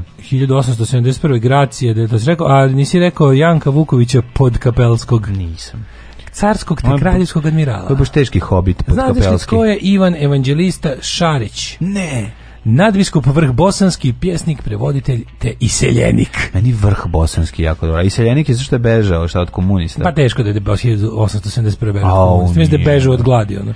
Da. Ivan Milutinović, crnogorski komunista, 1901. Pa da. Tako je revolucionar. Pa onda 1902. Ile, tile, vraćaš niclu pokojnom Ivanu Milutinoviću. Mm, Milan Dedinac, pisac i pozorišni kritičar. Pogledaj izlet Izeta Fazlinovića, Edvarda Kocbeka, Aha, slovenskog književnika 1904. Križanac, Mustafa Nadarević i Dimitrije ljotiće Učesnik nas je ubio nemačkog, italijanskog vojnika, ubio uh, knjigom. Ko, Kocbek? Da, da, da. Odlično. Čuveni 1905. Vjekoslav Kaleb. Rekom, pogledajte šta ima ovdje, a italijan se nag nagne i ovaj mu zatvorio, nos zatvorio mu glavu u knjigu. I gotovo. Bio to prvi da, akt da, slovenečke to 1905. rođen Vjekoslav Kaleb. Tako se bore. Kaleb. Tako se zove. Da. I nešto da on imao svoj podcast? Da. Da, kako se zvao? Pa Kalebov.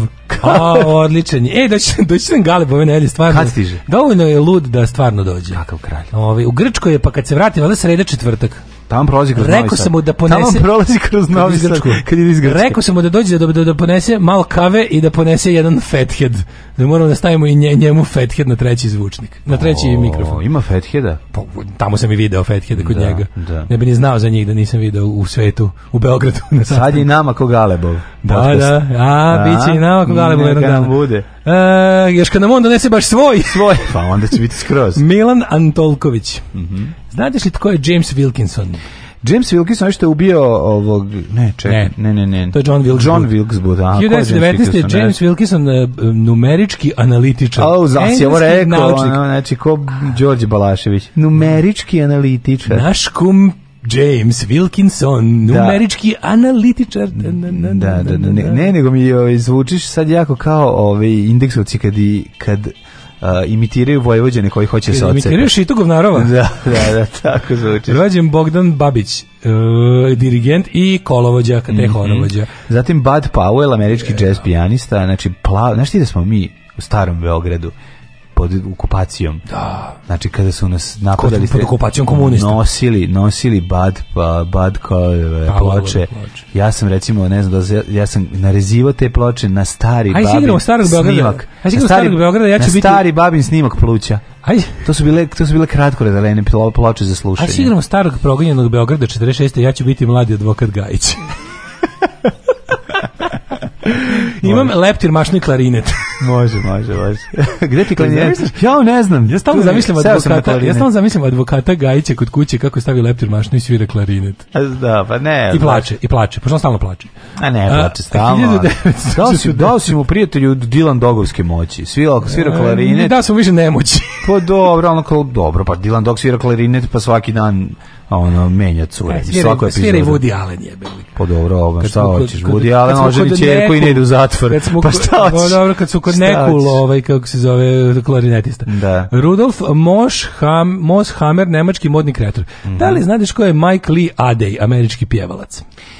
kako neću znati, to je band iz Michaeli, je li tako? michael Jackson. I don't know. 1963. Daniela Trbović, hrvatska TV voditeljica. Ja nju volim, mm to je ona opasna. Da, da, da, znam je. Najslabija karika. Ona, ona je tako dobra ona i brza. Super brza je, a pa pametnica je, brza je i onako ima te hitre okice koje gledaju levo, desno. Setili smo se baš u, u, u, ovaj, u petak smo smo se setili kao primjer nečeg dobrog što je u srpskoj verziji imalo loš socko.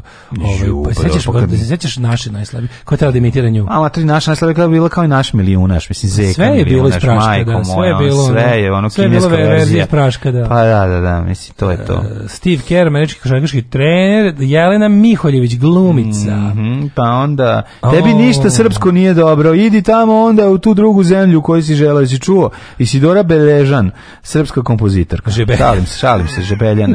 Nažalost preminula prošle godine. A 72. Mm -hmm. Gwyneth Paltrow. Gwyneth Paltrow. Žena čiju vaginu možete unjušiti u svećama. Zašto? Pa znaš da prodaje one vagina scented candles. Ju, ne, zaborio sam. Meni je slatko. vidio možda zašto me ne privlači da palim sveću sa mirisom vagine Gvinet Paltrow. Ne voliš pičkin dim? Pa ne znam. Isto kad ugasiš sveću, znaš uvijek Da, i da onaj mali dim. Ja sam jako smiješnu karikaturu, Ker onako kao ulazi uveč u kadu, kao da se opusti napunio i kao pali, ovaj, kako se zove, pali kao te sveći sa mirisom, na sveći piše kao miris kao other dog's asshole. kao to ga opušta.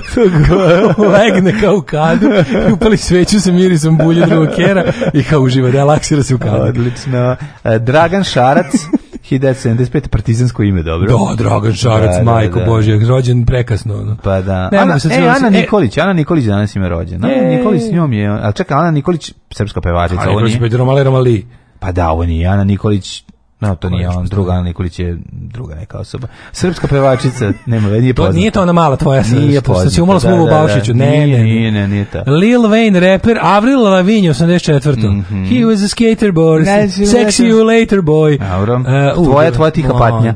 Da li tova tiha patnja? Danas je dan mojih glasnih i tihih patnji. Da čujem. 990. Mirka Vasiljević. A, nije me čekalo četiri puta.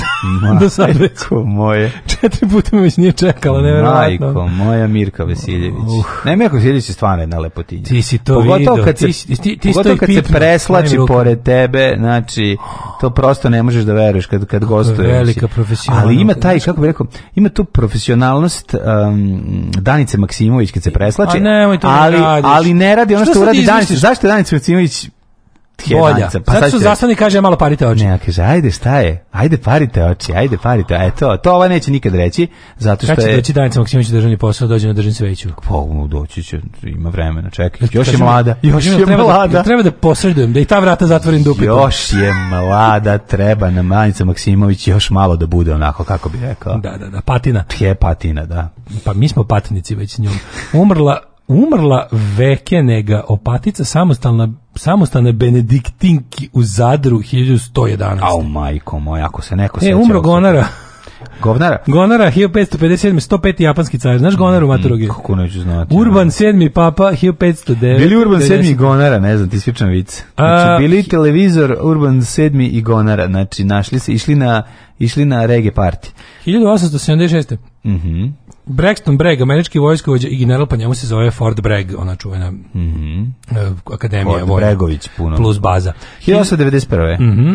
Ivan Gončarov, ruski pisac. Jesi čitao nešto od pa, Gončarova? da, sam ja čitao od Gončarova. Mm, pa onda ovaj, kako se zove, pa onda od ju, pa ču. ti ruskog pisa čitao, a da nije anarhista i da nije, da nisi pa morao? ne, ne, govorim da nisi morao. Da nisam morao, pa ja čitao, čitao sam Dostojevskog, a da nisam morao. Bravo, čita celi, celi dostoj, što bi rekao. Evskog nisam, ali Dostojevskog. Dobro. Pročitao sam sve od Gogolja, pročitao sam sve, Imao je baš rusa. Čehova si čitao nisam sve, ali dosta. pa onda Bulgakova sve. Tako što je. Napisao. Pa recimo Dostojevskog dosta. Tolstoj većinu. Tolsta. Šta Tolsta. tolsta od njega, pa... pa, pa Dobro, dosta. Jesi čitao pedagošku poemu? Ne. Šta je to? To nešto da meni baba sve vreme govorila, jebala mi kevu što ne čitam pedagošku pojmu ceo život. To je Tolstoj. Ma kakvi to neka, ono ti na drvo, odrastanje, ono... neki deca u popornom domu, ti luda, bre, hoće Glen Beverly Hills, baš im briga kako ona deca odrastaju u bari. A kao sine, sine, sad kad si video Šilju i Crno, kako se bio u on domu, ja si spreman za pedagošku poemu. Sa je 13 godina čitala pedagošku poemu, a ti ovde sada ono... Stoji mi moze, kako se zove? Praviš od ove hemijske olovke, puniš, zove, puniš glav, glavama. Pisao priručnik iz metalurgija kako se kaže kali Puniš glavama. Aha, ovaj kako, se a jo, pa što ne kažeš? A je. Ti ne možeš se, se, ne može da se setiš. Što ne mogu da se setim kako se zove autor kako tako. A rimski Korsakov, ajde. Korsakov rimski. 1900 Šestak Šostaković. Šostak Sedmaković, onda da. 1917. Ja sam bio Šostaković, on je bio godinu dana stariji od mene, on je bio Sedmaković. Moram da priznam, tih Rusa sam se nasilio da čitam čisto da bi bio da bi da bi mogao kažem da sam ih pročitao, ali ovaj Ne, sad ima bio jako dobar Rusa, nemoj mi, nemoj pa- mi govoriti samo da napad na ovaj, kako se ne, literatura. Ne, ne, ne, ne, Kako ide ona podela? Menjam I ja. will die for love, I will die for my country, I will die. ruska, ruska literatura. francusko I will die for love, englesko I will Ruski, die for my ono, country i ruska I will die. Majka, da, da, da. a, a film koji bi trebao to da ilustruje, idi smotri. I will die. To, to, to, tako. tako Srebra, Ne, I won't die, I will stay alive to suffer. Ju, ju, ju. Ove, Julius Wagner, uh, Jaureg, austrijski liječnik i Nobelovac, 43. Mm. poginuo Boško Buha. Ubili ga četnici. Ubili su ga četnici, u zasjedi sa njim je bila i doktor Saša Božović i tu pogibio je upisala u, u knjizi Tebi moje Dolores, koju ovi ovaj, možete pročitati, interesantno je. 45. Da li ste ti vidio da su jebeni četnici natakarili ovaj, e, crkvu i, i spomenik? To je, to je nešto što to treba dići u vazduh. Jednostavno, to treba dići u vazduh, ja u pičku materinu. Znači, one spomenik, na, na mesto gde su ubili ovog ovaj, dečaka. Da li tam ima spomenik ovaj, Boško Buhi? Da, ima spomenik, da, koji, da. koji je, koji, i taj spomen, spomen dom na Jabuci sa sve da. spomenicima je svinjec, znači, bukvalno mm. razjeban skroz. Ali su I natakarenje, I na natakarenje četnički spomenik 90, ranih 90-ih palim četnicima koje su zli komunisti ubili tu, nakon što su oni ubili onog komunističkog dečaka. Ovaj, ali i taj i su najluđi i taj četnički spomenik iz iz znači i, njega ne održavaju. A, Ali ga treba macolirati. 1945. poginuo Tomislav Sertić, prvi zapovednik Ustaške vojnice. Kući nego što je potrebno 45. Da, i pa ja ne... 86. Pa je Cliff Barton. E, Cliff Barton poginuo. Poginao, a, danas je poginao basista, originalni basista Metallica. 86. njihovim prvim uspesima komercijalnim, kad su krenuli da budu, jel, velik band, komercijalni prva veća turneja na kojoj su išli sa velikim onim tur busom. Jako tužno. Za veliku... Prevrno se autobus. Kaže, booking agenciju, prvi put virali velike klubove hale i prevrnuo se autobus i ispao čovječe kroz ovaj... Je pao na njega autobus? Da, da, da, da, da, on je ispao kroz prozor turbusa koji ga potom izgnječio. Ono. Uh, 2001. umro Dragiš Ivanović, rektor Beogradskog univerziteta, 2007. Nenad Bogdanović, građan Beograda, da. jedan od boljih, da, tata moja drugarice Milice. Um, 2017. umro Hugh Hefner. 2018. Milorad Marković, jugoslovenski i srpski direktor fotografije. Huge Hefner i Hugh Grant. Mhm. Moje porno ime, ako slučajno bude ovaj, kako se zove. Da neće biti Panzerfaust. Pa imam ja kako hođem za razna tržišta. Dobro, ja sam Iron Mladen. Ja sam Savage von Ravage. Legendarni, genijalni, brutalni, totalni. Znači, LGBT jutarnji program. Alarm sa mlađom i Daškom.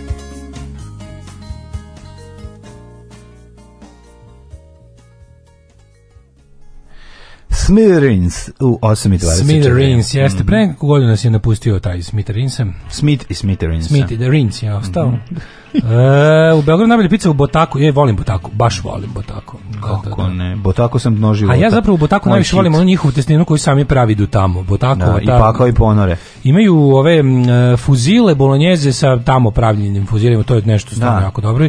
Plus što one bolonjeze... Imaju skraćeze.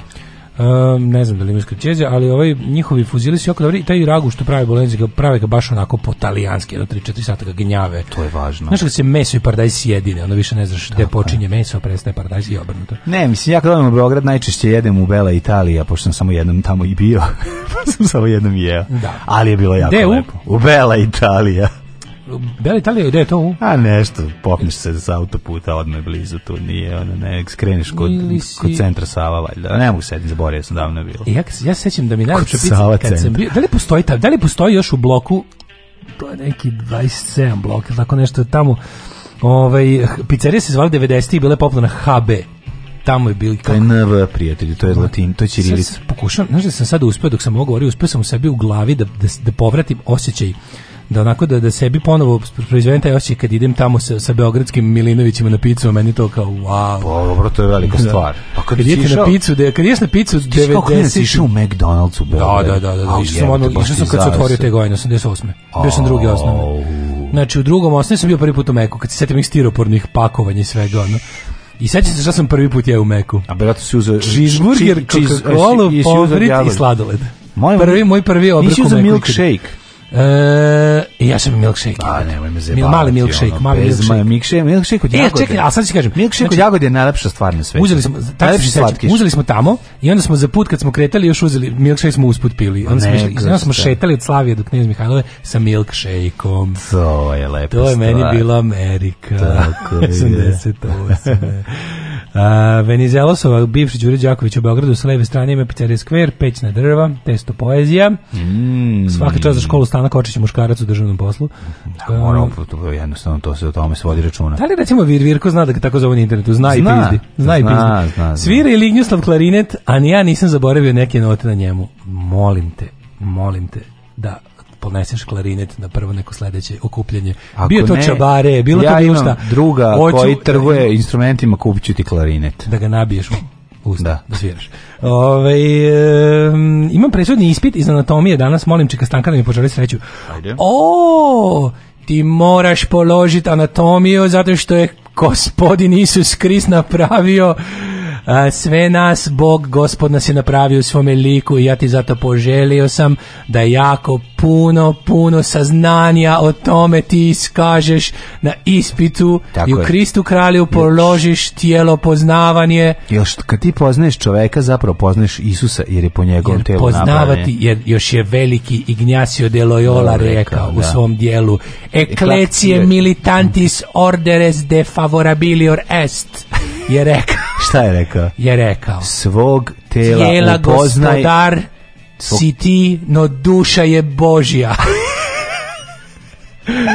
Uh, petak ste pričali i imenima. Damo detetu ima Dobro upoznaj svoje telo, ali nemoj ga baš previše upoznavati jer ćeš oslepeti, jel tako? I stvorit će ti se dlake na dlanovima. Naravno. To je isto uh, u petak ste pričali i imenima. Damo detetu ime momčilo jer nam se dopada. Kažem ženi da je jedini problem što se to ime vezuje uglavnom za zlikovce. Kaže ne lupetaj. Gotovo svaki stari 40 komšija, vlasnici pensiona po Srbijama. Jao, pa kako Kaže, jao, pa kao naš veliki pop, pa jel znate, čekaj, čekaj, o majko ti kao naš veliki pop, pa znate Aha. da je bio jedan čuveni koji je bla bla, onda kažemo da ne dajemo ime po zlikovcima, sledi začuđen pogled, e, bajago niko da te se seti pa da, baš. Pa, pa nije to... moguće da valjda ljudima Đujić ono pre ne, asocijacija od Meni je momčilo, izvinjavam se, meni je momčilo. Makarenko je napisao pedagošku poemu, a ovo je Ostrovski jeste. Da, da, da. Kako ne? Vino za jedan pedagoška poema Makarenko. Kako se kalio stal, ovaj... Um, Ko je, kako se kalio? kako se kalio čelik, da. Ostrovski. Ostrovski, da. Nije, siguran? Jes, Ostrovski 100% da. Ove, ovaj, moje porno ime, ako me Slobodan Stanković ikad angažuje, Simpiše mali. E, HB postala do ranih, nije do ranih 80, od ranih 80-ih, aha, ali više ne postoji. Mm -hmm. 23. blok je HB ne postoji odavno. E, e u Beogradu najbolje majstori Margarita. Tako je, tako je, tako je, tako je. Na nju sam mislio. Na nju sam mislio. Majstori Margarita. je Znaš kako je dobra pizza? Znam, je bolje od Paolove? Pa drugčije. Nije, oni prave, oni prave pravu pravcijatu, onu rimsko-severnjačku. Kažem ti, Paolove, Napuljska i takvu niku u Srbiji ne pravi mhm. A to su meni najlepše. Pa ja ne znam da li su mi najlepše, ali mi ono kao ne znam da li su mi najljepši imaju... Zato što imaju nešto od babine, pice, a imaju... Nemaju ništa od babine, imaju, ali imaju to grublje oblik, testo. Grublje testo. Oblik. I grublje je testo. Testo je testo, kad od peče, pice... Peče u pravugonim plehovima, to ne rade inače. Pa Razumeš? dobro, da, ali... I to je meni, okay, sviđa. Da, ali možeš Ali ti kažem, sam sastav testa je nekako ovaj, grublje testo na tim napolitanskim, ono. Da, tvrđe, tvrđe, tvrđe, hlebastije. Ove, ovaj, Bela Italija preko puta Da, da. E, drži zet mog druga. -hmm. Krenula sam u Beograd na sastanak, naravno, nadam se da je rec pritisnut. Šta su to oni? Na mestu ono HB. Sir, to nisu oni e, svi znaju I svi su gnjavili, gnjavili ovaj donesiti špagete i gnjavi u tom velikom siru. Znaš, onako do konobar, do, Nije to bilo u Bela Napoli u, u Zemunu. Pošto to isto je u ne, Bela Napoli. Ne, u Bela Italija 100% dotero, dotero čovek i ono krenuo da ubacio. Ono, znaš, zašto sam zapamtio?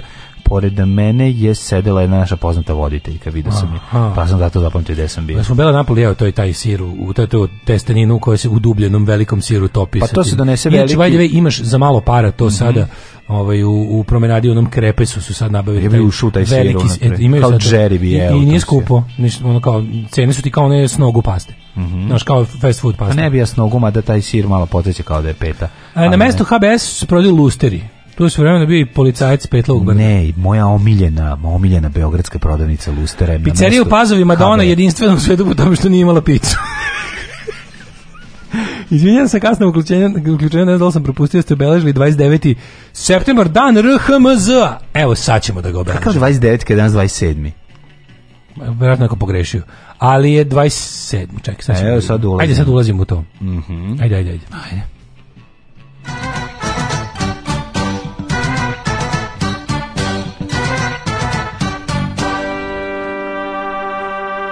Idem na glavnu stranu. Ako je danas RHMZ. Ako je danas dan RHMZ, zašto profesor doktor Jugoslav Nikolić nema neke ove neku šaljivu kapu, nešto, neki Zašto su neko ovi ljudi toliko retardinjo? Ovo je stvarno strašno. Kad klikneš na pa kako ste tako nenormalni bogos vaš. Šta si Hoćeš da klikneš na onaj na uzglavlje, od, odvedete ni, nigde ono. Da. Evo, čekaj da probamo ovako. E, to je simbolično prikazuje kako je čovjek ništa naspram vremenskih prilika i da su vremenske prilike mnogo veće od čoveka. Čekaj, čekaj, čekaj. Da piše nešto. A, novosti saopštenja. Aha. Dan RHMZ. Da. Reč profesora doktora Jugoslava Nikolića. Dozvolite. O jebote, reč mu je ono 17. kraja. On je normalan jebote. Pa dobro. Pa te sam kao da vam pročitam, ali ima stvarno... Sad... A dobro, izvuci, ali, izvuci početak i početak svakog pasusa. Daj da analiziramo sliku ofisa dok otvori, molim, idi ovako. Mm, idi, klikni na naslovnu stranu. Mm -hmm, znači, klikni na himnet govore se. Mm -hmm. Vidiš sada da desne strane imaš u okviru crveno, dan, u okviru crvenom. Čekaj, moram nazad. Idi na naslovnu stranu. Znači ne Evo, vraćam se na naslovnu stranu. Ok, ima, ima upozorenja i najave. Ne, imaš na sredini crveno okvireno, bukvalno. A, novosti i saopštenja. Da, to crveno. na sredini desnog ovog me, dela. Evo ga, novosti saopštenja RH, evo ga, otvara mi se. Klikni. O, e, majko moja, kakav je ofis Ajmo da ovo, profesora, doktora Jugoslava Nikolića. Ajde da ovo analiziramo, sad ću Ctrl plus plus plus da Čekaj, ima. Čekaj, čekaj, da ima, Jugoslava Nikolić ima klasičan pa, kalendar na, na, na zidu. Bože, ovaj sajt sa frame-ovima, pa pločice. Znači da ovo može. Mater njima pločice. A eno iza i slava, ima ova ikonica čekaj, čekaj, mala. Čekaj, čekaj. Čekaj, čekaj, čekaj. Čekaj, da vidim šta da... sve ima ovde. Ima fikus, jel to, koja je, ko je obiljka? Lofi Kuščić ili ovo je ovaj... neki mali, nije, nije, nije, on je fikus, još je ovo. Ovo je, ovo je avokado jebote. I ladno ima avokado. Je to avokado? Ne znam. Meni zlo avokado za zasad. To je avokadov broj 2, pošto dva avokado. avokado Može biti. Liči mi na avokado. Ali molim Ima te. Ima sa onih telefon. Stari. Ovo je Dačić na kalendaru gore s njim, jel da? Jeste. To je SPS kalendar. Može, on je pa stari, pa stari SPS, stari ima tu i facu. Ono. Da, da, da, da, Ima ikone, ima ovako. Ima što si kad skine ove naočare sa duplim... Ovaj kad skine ove naočare sa ovim duplim mostom, da skine i obrve s njima. Da skine i pola da, čela. čela. Ima, ima ovaj svetog Ivana Krstitelja, mm -hmm. ima gore nekog belog anđela, koliko mi se čini. Mm -hmm. Belog anđela, ne Zatim, ajmo da molim te da pogledamo. Da analiziramo, sad... analiziramo kancelariju dok Četiri, o, ovo, su, ovo on spremio za slikanje. Molim te, poli kako, poli kako, drži, nisi primetio? Poli kako drži telefon, a jasno ti je, dobro laže da telefonira. Laže da telefonira, Ma, da, da. Molim te, pogledaj što je dr, drpio iz WC-a toalet papir. Iza, iza njega tamo na onom. Ja, ima svako nosi svoj toalet svako papir. nosi svoj toalet papir. Prejako. to mi reci. A toalet papir mu stoji. Vidi ga, pa na, šta ima gore tamo? On ima onaj stari kopir. ringlu, kopir. Šta je to? Ne, neki kopir. Kopir, a? Dono, dono neki, onaj, onaj, znaš šta je, to je onaj, papir mlađe, se nosi to je onaj štampač skener kopir. Tako je, tako štampač skener kopir. A vidiš tim old school zvučnik i ovaj ove, ove, ispod ove. Nije to zvučnik, madri, to je kompjuter. Kompjuter pa mu stoji gore. Pored su zvučnici ovi bre, A, oni da, matori, mali, oni, mali zvučnici, oni što moraju da, struju da, da se uključe. Ono. Jeste, jeste, i mali Ali zvučnici. meni ja i dalje toalet papir gledam kako je. Da ga je... Mali planer, ovde pored avokada stoji, mm -hmm. a, ima ovaj apasonik telefon, klasičan. Sad, to je onaj, ali, molim vas, jelice dve kafe. Da, jelice dve kafe. Ima, drži... koji nije koristio vekovima, i koji nije koristio vekovima. ispajalice ni to. A sad imamo ovo, šta je ovo najduže što vidio? To je otvarač za pisma. Sekač? E, ja bih rekao da jeste. Nož za pismo. Nož za pismo, da, da, da. Analiziramo kancelarije velikana. ovo je, za nas je ovo MTV Cribs. Ima 14 olovaka, od kojih 15 ne radi, ali dobro, to su, mislim, nije ni važno. A gledamo gore... Tekst marker, tu je sve. Da, da, ove da, fascikle, ove fascikule. Nema, tri, kakav je on? On, on, on ima 100 iz 90. On ima 100 znači, iz e, agencije perspektiva. Ovo je znači, teško, znači, da, da, da. Kakav je Kurčubić? Je, Kurčubić, da, da, da. Kurčubić je srećnih ljudi, dakle, Doktore, ne? Kako se zove on u srećnim ljudima? Uh, e, valj, Valja, Valjarević. Ne, ne znam kako god je. Valjarević. Da. Da, Inače, da, da. nije rešeno ili pitanje. Ili Despotović. Nije telefonsko pitanje nije rešeno, pa kako ružno kabel ide dole. Kako kako kako ružan plafon, da. kako kako tu treba. Pazi, porničarsku, porničarsku ovu porničarsku garnituru što mu pored viri. Uuu, Nije to porničarska. Ma deni. Nije porničarska. Gla, su su za lako ubrisati. A dobro, šta Zamisli na ovo nešto da, dobro pravo si. Ovo je nekako darabu Bubamara da Pa zamisli na, nema, nema takvu. Zamisli da ovaj, kako se zove ovaj je stara, bre, ovo iz 90-ih, ovo Metal na Na, tome se nije guzilo. Da. Ja, bi se vidjelo flake. Mm A vidi sve, baš je onako Socko mu je obrese, baš yes. je stvarno... A pa to je on, misli. Zahtevamo da, kako se zove... Vonja, da, vonja penzionerski. Da, bre, baš da, je, da, osjeti da. si Tison, ono, i ovaj, baš je ovaj wall to carpeting nije mhm. dobar Mm. mislim, kako kad radijator deluje najmodernije u kancelariji? Ti skonto da on izgleda kao da je, u, da, je pregradio kupatilo i, i se on transpens. Da, da, dosta, dosta, dosta, pune pločice sa legalno delo deluje ceo. Kako su po, po pločice? Ne, ne, nije da. u redu, nije u redu. Znači, mislimo da gospodin Jugoslav je dostojen bolje kancelarije. Ne, Jugoslav, gospodin pa Jugoslav. Pošto je malo, baš čumez jebote Jebote, ovo je baš... Čumez je. Da, upravo si. Čumez je. Ne, ne, ne, hoćemo zahtevamo. Može ono... Zahtevamo da doktor Jugoslav Nikolić dobije bolju kancelariju. A gde on stoluje? On stoluje tamo u tako? Pa ne znam. Tamo je, ja mislim. Kneza Višeslava, jeste, jeste, jeste. Jeste? Da, da, da. Mhm. Kneza Višeslava. Kneza Višeslava sa radio televizije Vojvodine. Da, Višeslava Petkovića.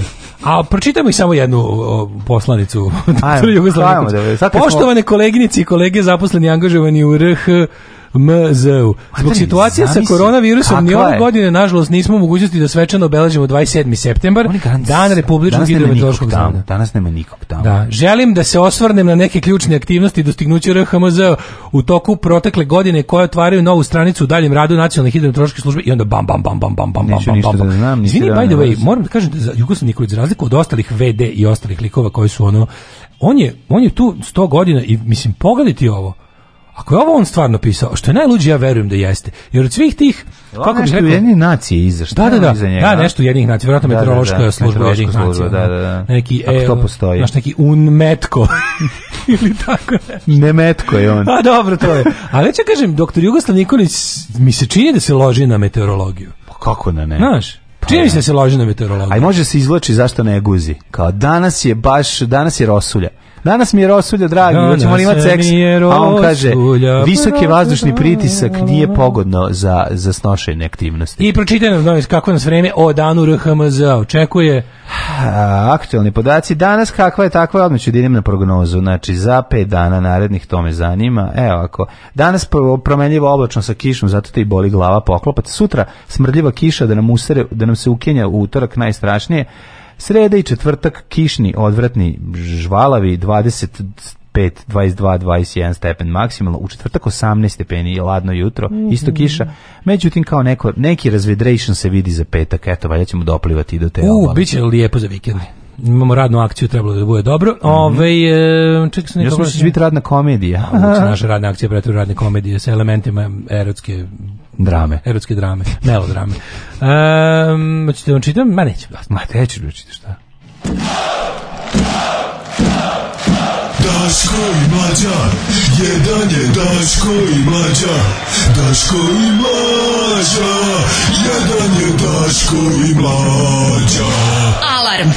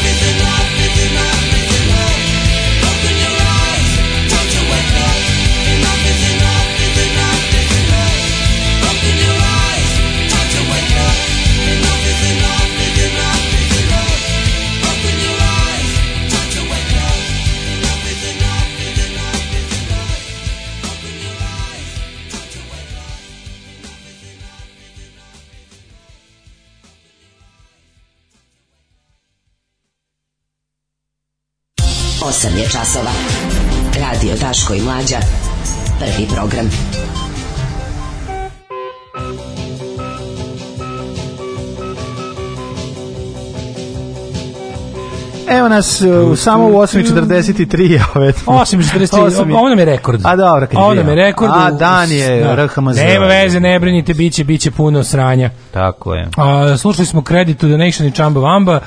E, uh, give the fascist man a gunshot um, enough is enough Uh, ko peva, evo sad smo rekli uh, došo kum uh, kaže sa Milkom XXL Coca-Colom, kavom, gledat ćemo filmove O, ispalit ću ga za šah, ne gubi mi se Uh, je dale prošle godine u koronskim karantinskim emisijama pričao Čamba Vambi, ja sam se nadao ovoj pesmi, ali je tad ne čuh.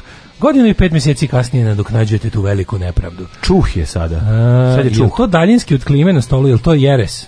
Aha, misliš da Jugoslav Nikolic nema pravo na klimu, pošto se bavi klimom? Uh, misliš da ne e, da, stiglo nekoliko poruka da ono nije, a ovaj, kako se zove, da je ono možda šeflera na stolu od, od biljaka. Ja sećam da Keva imala petoprsnu šefleru kad smo bili klinci i da stvarno liči na to. A mislim se čini da šeflera imala... Srbi 91. uveli troprsnu. Malo onako, da šeflera možda imala malo zareckane listove, ali moguće da ona jeste šeflera. Pošto dvoje ljudi nam je ovaj, javilo da je ja sam mislim da nije Adam. Jel ne znam nikako kako izgleda Adam, a znam da je Adam jako Bio jedan čovjek koji je njinoj veri. Adam, se zvao, da, da. Ove, ovaj, u njegove kancelarije mogu ladno se snimaju serije iz 90-ih, samo ubaciš Pentium i dva šest kalendar s Vukom Draškovićem na konju. I ubaciš, recimo... Kancelarija Jugoslava Nikolića, Berli Legal. Malo Jelicu Sretenović. Može da, bože, da se snima i Malone Pornjava. Pa može. Znaš one malo te pornjeve, mm. kad, je, mhm. kad je on uvek on neki zli, onaj... A to se zove i malo te pornjeve, pošto sve su iz tog perioda. Pa da, ali da. Malone, mato, Matori Malone uvek glumi onog nekog iskorišćivača mlade sekretarice. Da, to, da mislim da. takvih ulog igrao. Ako je odigrao, ako je igrao u 2000 Pornića, u 1600 je bio to. Da, da. Pa zašto ima tu facu? Pa ima, da, da, on, ima, da. on ima tu, Malone ima tu facu pokvarenog funkcionera. Da, ono. jeste, jeste. To je njegov ceo apel. SPS-ovca. A meni on više onako... Šta? Malone mi je neki DSS? Ne, ne, ne, ne, ne. meni je malo neki hrvatski funkcioner iz perioda socijalizma, neki onako... A, neki, da, da, da, da, da, jeste, jeste. Vuču mi malo vuče na... Jeste, gospodine ne, generale, ima to jeste, Ima, ima, ima. Ima zeca malo u sebi. Ima malo. da. malo zeca. Um, dobro, da, da, da, ovako. Da, da, da. E, grafit UČK na, klući, na kući u Klokotu. Eto, ako... Where the fuck is Klokot? Ne znam, ne znam, sad ću vidjeti. Joj, čekaj, izvadio sam Aha, univer, dodatak. E, čekaj, idemo Ne znaš gde je Klokot, sad ću ti Vučića dovesti, da ti kad nabravi sva sela i zaseoke oko Klokota. Ču vidu Đurđevu što uleteo lik kolima u dnevnu kolima. žena? Vidio sam sliku, je neko povređen? Ovaj, ne, e, žena koja bi koja bi znači sigurno bila poginula da je bila tu gdje je trebala da bude u to vrijeme, nije bila tu jer je zaspala ispred televizora. Joj, Umjesto da je bila u krevetu koji je bio do do tog mesta da je provalio kod. Probio zid, jes? Da, probio, unaku, probio mi kroz kao ta neka velika dvokrilna vrata staklena za, za terasu ili šta već, nemam pojma. Majko moja. Ove, ovaj, Kako je to uspeo? da li si malo se osvrne, da se isposvrćemo na, imali smo izbore u Njemačkoj, mi smo za letanje naših oklopnih kola sve do granice same kada nisu imali ono, para. Si vidio ono nadletanje granice da, avionom. Mi možemo to, možemo to naše, ovaj, ono, držite mi da ih ne opobijem, pa da, možemo. Imamo pusti me lucem, to se zove akcija pusti me lucem. Si vidio onaj govor, onaj govor Dodika i Vučića na onom, pa mislim, ne, ne. Uh, e, budemo iskreni i nazovemo stvari pravi imenom, do sad naj, neću kažem baš fašistički, ali recimo ultrakonzervativni, religiozno, taj neki najgileadski u svakom slučaju istup u inostranstvu naših ono, malikana sa Balkana se desio. Svi taj kao summit porod, o porodici i demografije u Pešti, ono, da je Vučić držao slovo.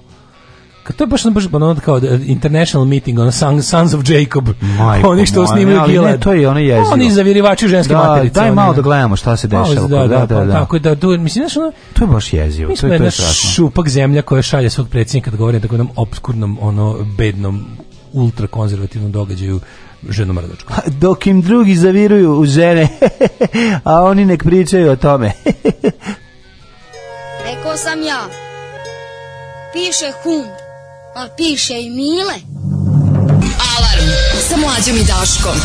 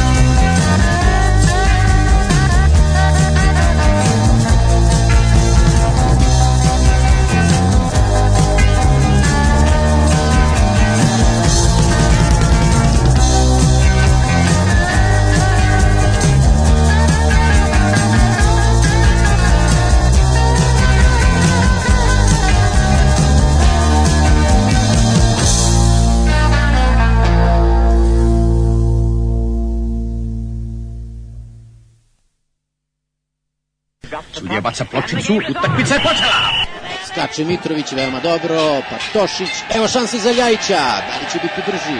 Oće, otvara se Sulejmani, Ljajić može sam prema golu, Ljajić ide sam, pa šutira i momak! Alarm sa Daškom i Mlađom. 2 -0.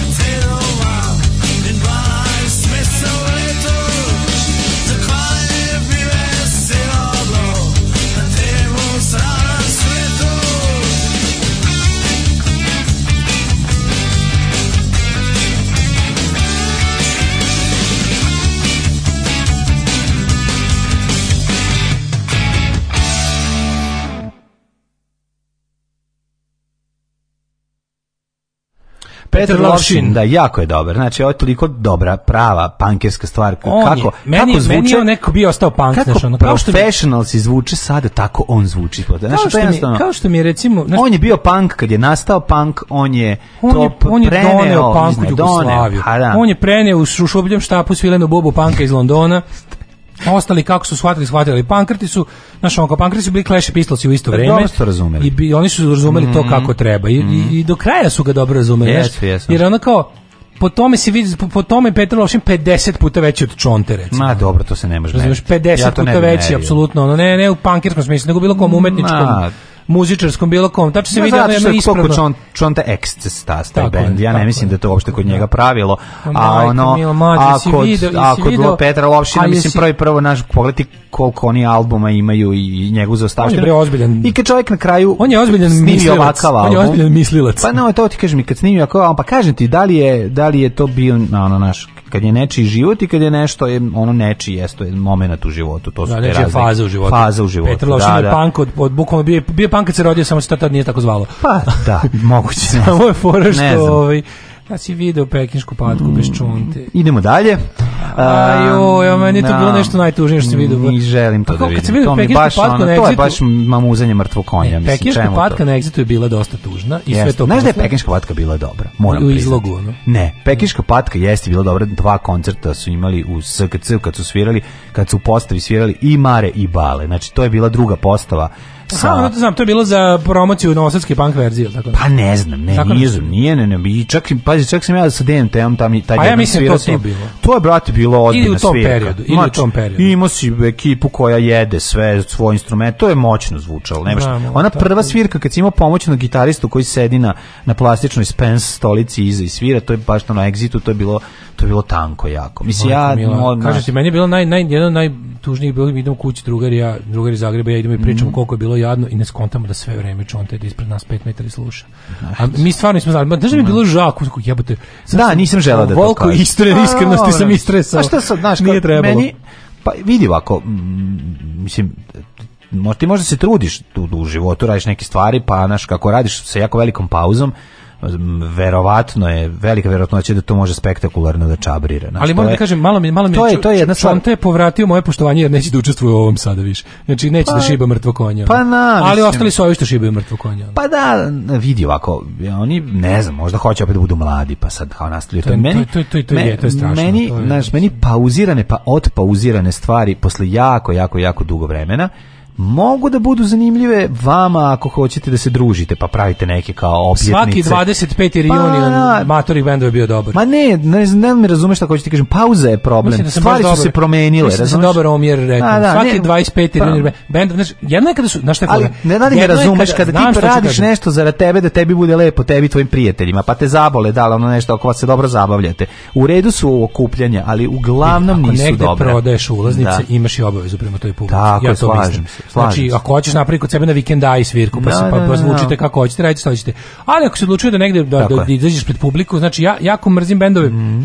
koji pod jedan previše udovoljavaju publici i drugo bendove koji ne misle na publiku. Mhm. Dakle, dobar izvođač je onaj koji nađe balans između pleasing the crowd i, i ono having a say. Tako da to zašto bi ima sako, sako na bini da bi se ispoštovala publika? Zato se nosi sako na bini. Ko je rekao? Ne znam, ja. Nije, ima to neki, zašto nije neki menadžerski fazon? Pa ja kad sam bio menadžer. Ne znam ko je Raka, mogu se čuo sam. Kakav je dok ja mislim da to tako mhm. neki Raka Đokić Nije bre Raka Đokić, to nije, to nije uopšte domaće, ovaj nije neki domaći. Kakav je doktor Jugoslav na hrani? Da li jede koptičice ili može da proždere prase? Ja mislim da je Jugoslav Breti, onaj stari SPS kader znači koji Znači da on garant zna da slaže. Ne vodi računa. Garant zna da slaže. On bre ne brlja taj čovjek ne, zna da slaže. A ono. šta da slaže da pojede dve sarme i stane. On ne sipa drugi put u tanjir. 100%. Taj čovjek je ono pedantan iznad svega. Um, kaže ovako.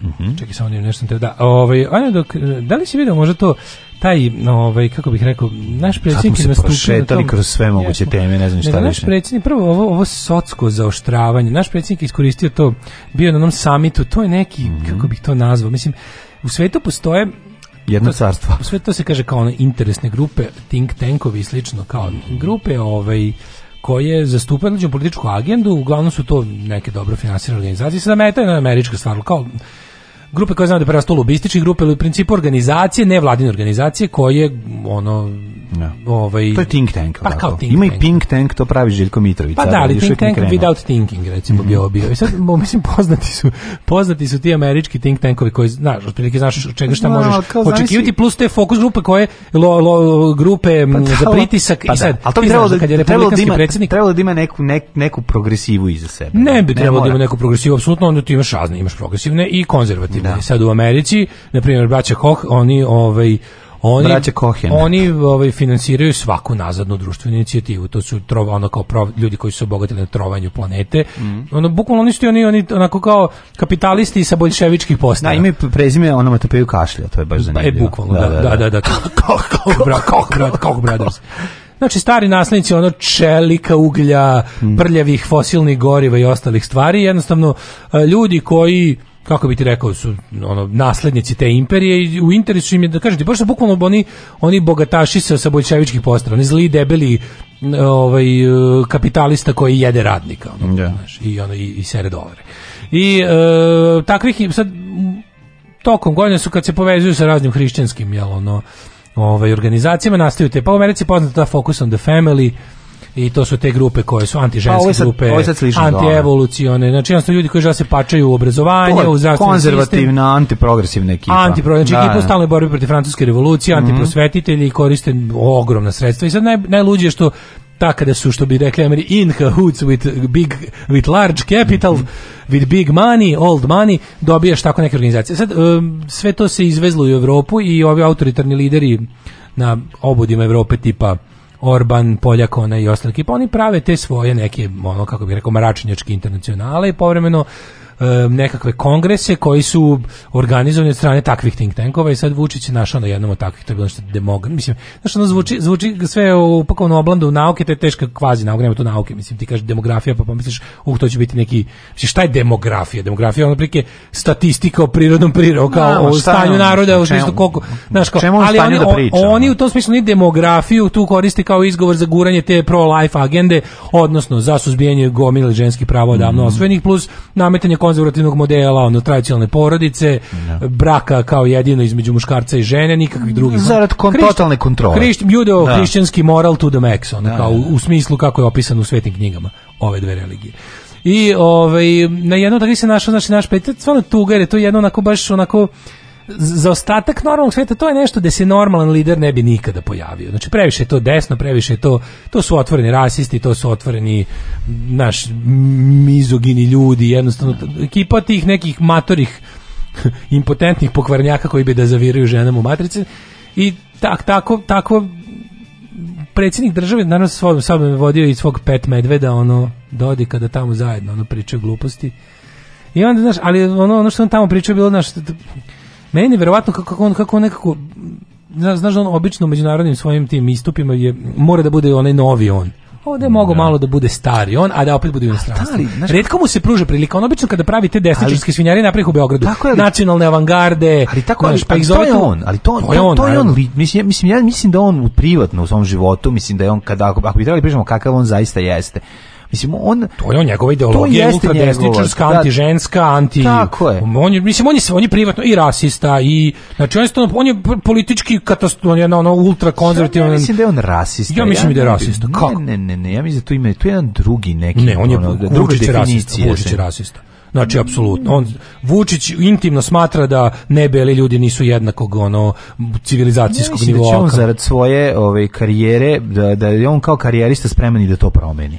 Pa da, zarad karijere. Pa Mi se pričamo o različite stvari. On je pa, spreman da jede govno viljuškom i kašikom na ono na, na televiziji ako će mislim to nije ne pričamo o tome, pričamo o njegovim ličnim ubeđenjima. Šta je on sam sa sobom? Da, li ja mislim sa da Dodiku, recimo, to nisu lična ubeđenja. Dodiku nisu. Ne, ne, to, to, to Dodik ono- je pravi, Dodik je hiljadu puta više. Na za Dodika mislim da nije rasista. za Dodika mislim čak da za Dodika sam ubeđen da čak ne mrzini muslimane, bos, bosanski. To je njegov, je posao da mrzini muslimane. On je od toga napravio karijeru. Tako To je znači, kompanijska agenda. Dro, Dodik je više Trump. Znači ja, ja ne primjer za Trumpa mislim da on lično nije rasista kod kuće. Ono kao tipa nema on, ali mu je publika Nego je vidio da to radi. Znaš, ono kao, da, da, kao, kao, ga, kao... Šta se kupuje makaze? Proizvodimo makaze. To je to. šta, je, šta je deficit na tržištu? Ovo, ti znaš, odakle mi znamo cecinog bubnjara. Ne znamo ga iz takve muzike. Da, da, da. da ali je ga, ono kao iz onoga čega mi znamo bi jeo, ono, kako ti, ne bi jeo baš mnogo. Tako da i ono, ili nešto, meni je to sve gay for pay. Znaš, oni likovi koji Alejandro Escovedo nosi Armanija na bini. To je ovaj, kao da se poštuje publika, on je to rekao. e, to sad znamo ko je rekao tu čuvenu. A to je? Pa to je ono što sam ti ga puštao ovde. ima im nekoliko pesama dobrih. A, ne, da. Mislim. uglavnom, da, sad ću mi prekinuo. Mm -hmm. Izvini, izvini, pa sad kad stigla poruka. Da, pričamo ljudima koji su šta intimno, šta da, intimno da. veruju. Ti možeš iško Dodik. Dodik je taj jednostavno, Dodik je Dodik je u mnogo većoj meri čedo socijalizma upravo u unim njegovim najboljim aspektima, mhm. koji je jednostavno, kako ti kažem, mufljuz, pokvarenjak, čovjek koji je zaigrao na novoj sceni i snašao se bolje nego ikada i to je to. Ali ti kažem, verovatno, znaš, kod Dodik ti intimno nije... Vidio si onda kad je, kad je dobio priliku da kaže kako je, kako on to kako je morao da kaže ono da su, da su četnici odvodili ljudi u Jasenovac. Vidio si on to rekao. Pa rekao je, brate, nije morao to rekao. on, jer on zna to, on je na tome odrastao, razumeš, on tu istinu nosi u pa sebi. Nešto moguće su njegovi rođaci, ono, to ti kažem. stradali, mislim, tako da... Ima dovoljno tog zemarsko-narodnog, e, kako je rekao, to, to da on to mora da kaže, pazi, on je u životu uradio sve da ljudi to ne znaju, da ljudi to ne uče on je uradio šta je mogao na istorijskom revizionizmu u svom političkoj karijeri u zadnjih 20 godina. On je, on je taj koji je učinio da ljudi ne znaju da su četnici predavali ustašama ljude mhm. u Jasenovac. Ali onda kad ga znaš kad ga pitaš intimno šta on to misli on, on, zna pravo po tome ja ne znam da li je po tome on veći gad ili ili manji gad ne znam da odlučim to. ti znaš ti znaš šta je ali, ali znaš Mislim ljigavije. Ljigavije. Da, da, da. U, smislu da recimo Vučić Vučić je ceo život, ceo svoj odrasli. Vučić ceo svoj odrasli život.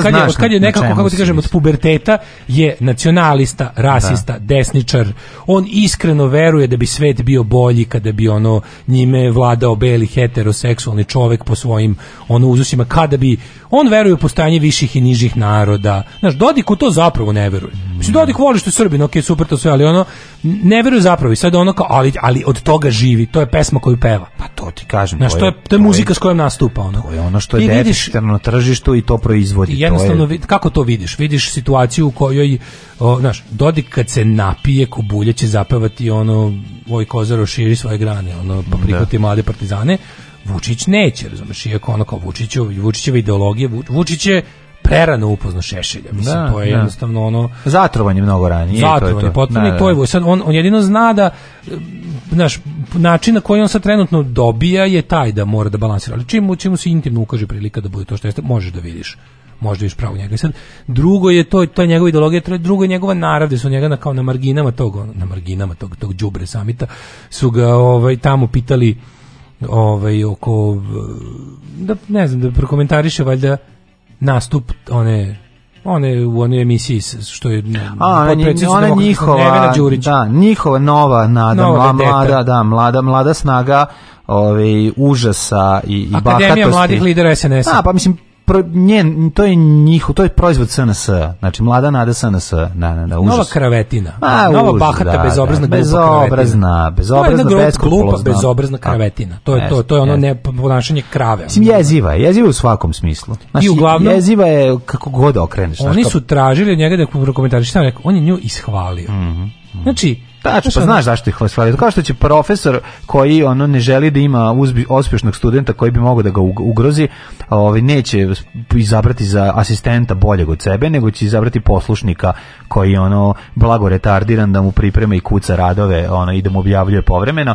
Tako i on sebi će naći uvek nekog koga može lakše da kontroliše. Tu smo vidjeli Vučićevo uživo in vivo negativnu selekciju koja tako je, tako je, tako Znači pospešivanje najgorih ljudskih mm -hmm. Jer on je video u tome u, toj ženi, da ona je jeziva, se može se reći da je jeziva to, on jeziva osoba. Jeziva osoba, znači, da. puno, znači, kako ti kažem, potpuno. To je jedno ono, bahato, beskrupulozno, ali to je ono ljudsko dno, ljudsko dno. Pazi, ona je došla verovatno kao, znaš, on njih traže po tome. Znači, to je, oni imaju casting za, mhm. ljudsko smeće. I kada nakupe neko ko već prirodno inklinira ka smećarstvu, oni naprave profesionalno smeće od njega, nauče ga mhm. kako da te svoje najgore osobine još razvije inači ti tipa primetili smo da si primetili smo da si bahat, halav, beskrupulozan, lažov, um, a bez moralnih skrupula. Što je najbolje što nego jednostavno sviđa nam se tvoja kombinacija neznanja i laktanja. Da. I to je jednostavno čemu ćeš nam poslužiti dvojako. Znači prvo služiš da vođa nikad ne bude ugrožen jer tako jedno kako ti kažem vi ste zapravo teška ono kao teška neznalica i teška nesposobnost. I super ste da dokle god stojiš na našim leđima, dokle god imaš naš razglas i naš megafon, ti ćeš jednostavno služiti tome da se ljudima gadi politika. I ti ćeš služiti tome da niko ne želi da uđe u bilo šta što bi uključivo kontakt sa takvim vama.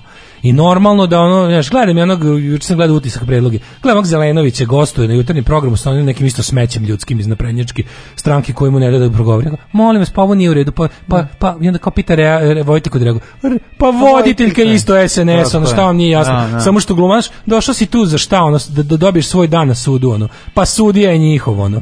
I, znaš, meni užasno, užasno, jedini do sada čovek kog sam video da se snalazi u, u, u je, je Radomir iz Nedajmo Beograd. Da, da, da. kaže, čuti bre! Pa da. Šta pričaš bre? Znači kažem mu mukni pre, samo što ne kaže pička ti materin, ko što treba da mu kaže. Pa treba da mu kaže to, al da ne, okej, okay, dobro, on treba. se dobro nosi. Pa ne, on se dobro bukvalno, nosi. Znaš, ono ali znaš kad, mislim to Ej, ti uh, vidi. Ne mogu više te luzerski, to to to to to Đilasovsko. Šta će objasniti šta je problem? Jeremićevsko luzeranje. Ono, problem je što ja sam fin. Što je tebi? Pa izađi iz politike ako si fin. A ne, nego ti je, nego ja razumem da ljudima ono jadno da se raspravljaju na toj razini. Onda ne ideš na to, razumeš, ono kao.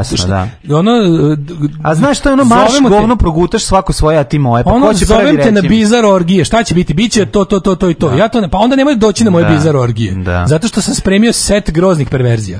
Da. Znači, ne da mi dođeš tamo pa da mi sediš u ćošku. Pa, Razumeš? Pa, mislim, ne trebaš mi.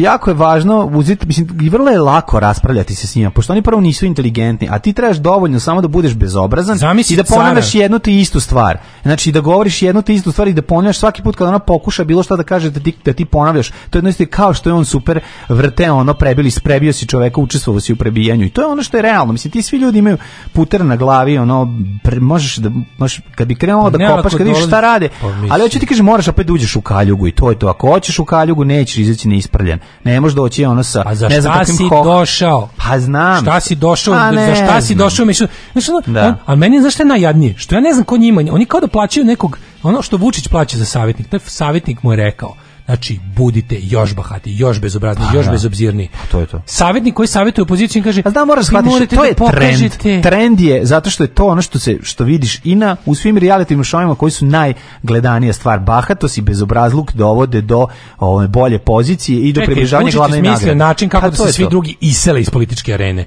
Da. za ono, Steve Bannon zasućemo javni prostor govnima. Oni se drže njegovog tog ono tekst buka koji je napisao i mhm. to je to. Ali čekaj stani ako, zasipate, ne možete poslati čoveka koji ne može, znači morate poslati čoveka koji može da bude u okolini govana. Ne, morate poslati hoćete Elina, ako hoćete, tako, je, ako hoćete da nađete da treba, treba da mora neko ko će da se iskenja u ruku i da vrati nazad govno facu. Tako je, Ona treba. Znači neću više da gledam, znači neću više da gledam ljude koji uspeju samo povremeno da kažu sram vas bilo. Da, zbog zgrade. Sram, vas bilo ne znači vas bilo je, na to smo stavili moratorijum. To ne smiješ se Sram vas bilo se ne izgovara do 2034. Znači kad mu vratimo značenje, pojem i izraz od značenja. Kad to vratimo, može se govoriti, sada nam treba lik koji će reći umukni, jebem ti sve po spisku. Koji će to reći uživo? Pa taj će ono, kako ti kažem, znaš, ali pazi, kad sam ubeđen, ubeđen da će taj skočiti u anketama. Pa hoće Hoće naravno, čovjek, ko voli da gleda luzera? Ko voli više da gleda ono, znaš kao, šta mi imamo od te, te, te, te face kad slože. Znači, ova nju poliva govnima, ova kako se je Dragana, stoji mi mozak, potpredsjednica demokratske stranke. Pa ono, znači, kod me razvijaš mi nekako to je sad jako ću jako ovo grozno ali baš mi reći ću mi dodatnu mržnju prema tebi ja mrzim tak neću kažem da mrzim žrtve ali mrzim takve žrtve znači ja sam uvek na strani žrtve ali mrzim te tako te ono to hrišćansko žrtvovanje koji idem ja da poginem za veru idi bre u pičku materinu idi malo ono idi malo pobedi za veru ono Dime, želim da moje dece i ja rastemo u jednoj zdravoj sredini i iz tog razloga je Srbija najbolje podzemlje za podizanje dece. Alarm sa mlađom i Daškom. Why don't you shut the door and close the curtains Cause you're not going anywhere He's coming up the stairs and in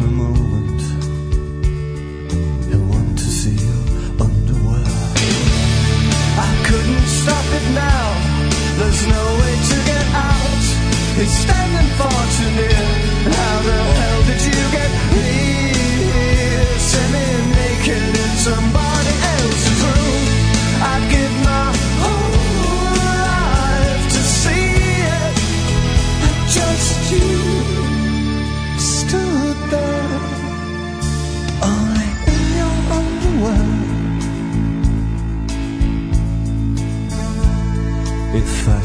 your trade.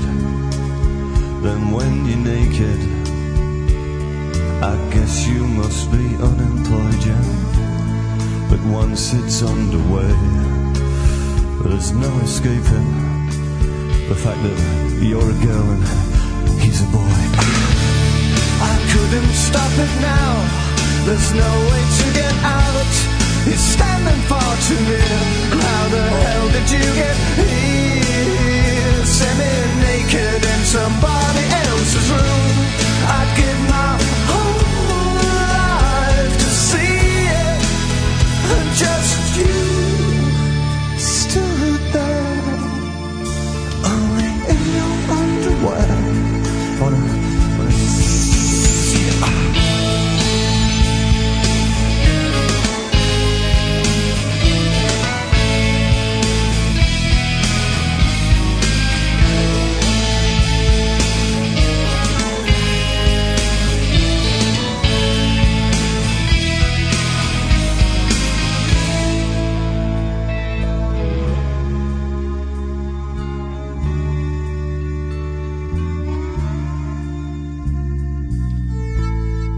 If you could close your eyes and just remember that this is what you wanted last night, so why is it so hard for you to touch him, for you to go? Give yourself to him, oh Jesus!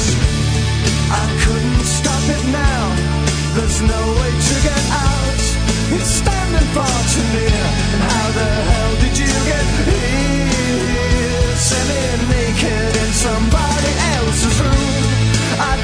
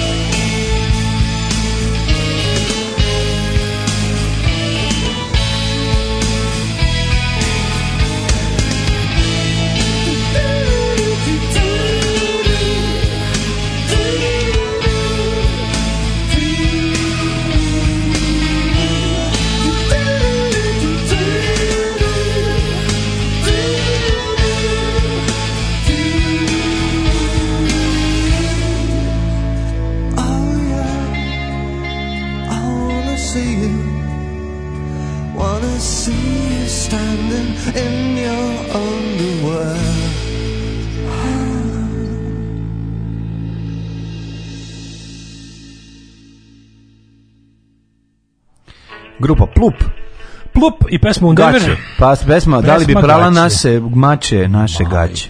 Ti. Majku ti. Da drugi svjetski rad Dodik bi ipak bio partizan, a Vučić bi bio Ljotićevac. Mm. Um, no, ovaj je, pa recimo, kaže, ovaj, ta neka vrsta trijatlona, malo hodam pa vozim bajs do Save, pa Brodić, pa opet bajs, pa opet hodam, sve vrijeme sluša nas, divno mu je. Uh, eh, Ramo je pričao da pitao Čolu kako zarađuje tako, tako mnogo više par od cvirke, ovaj mu rekao da obuče sako.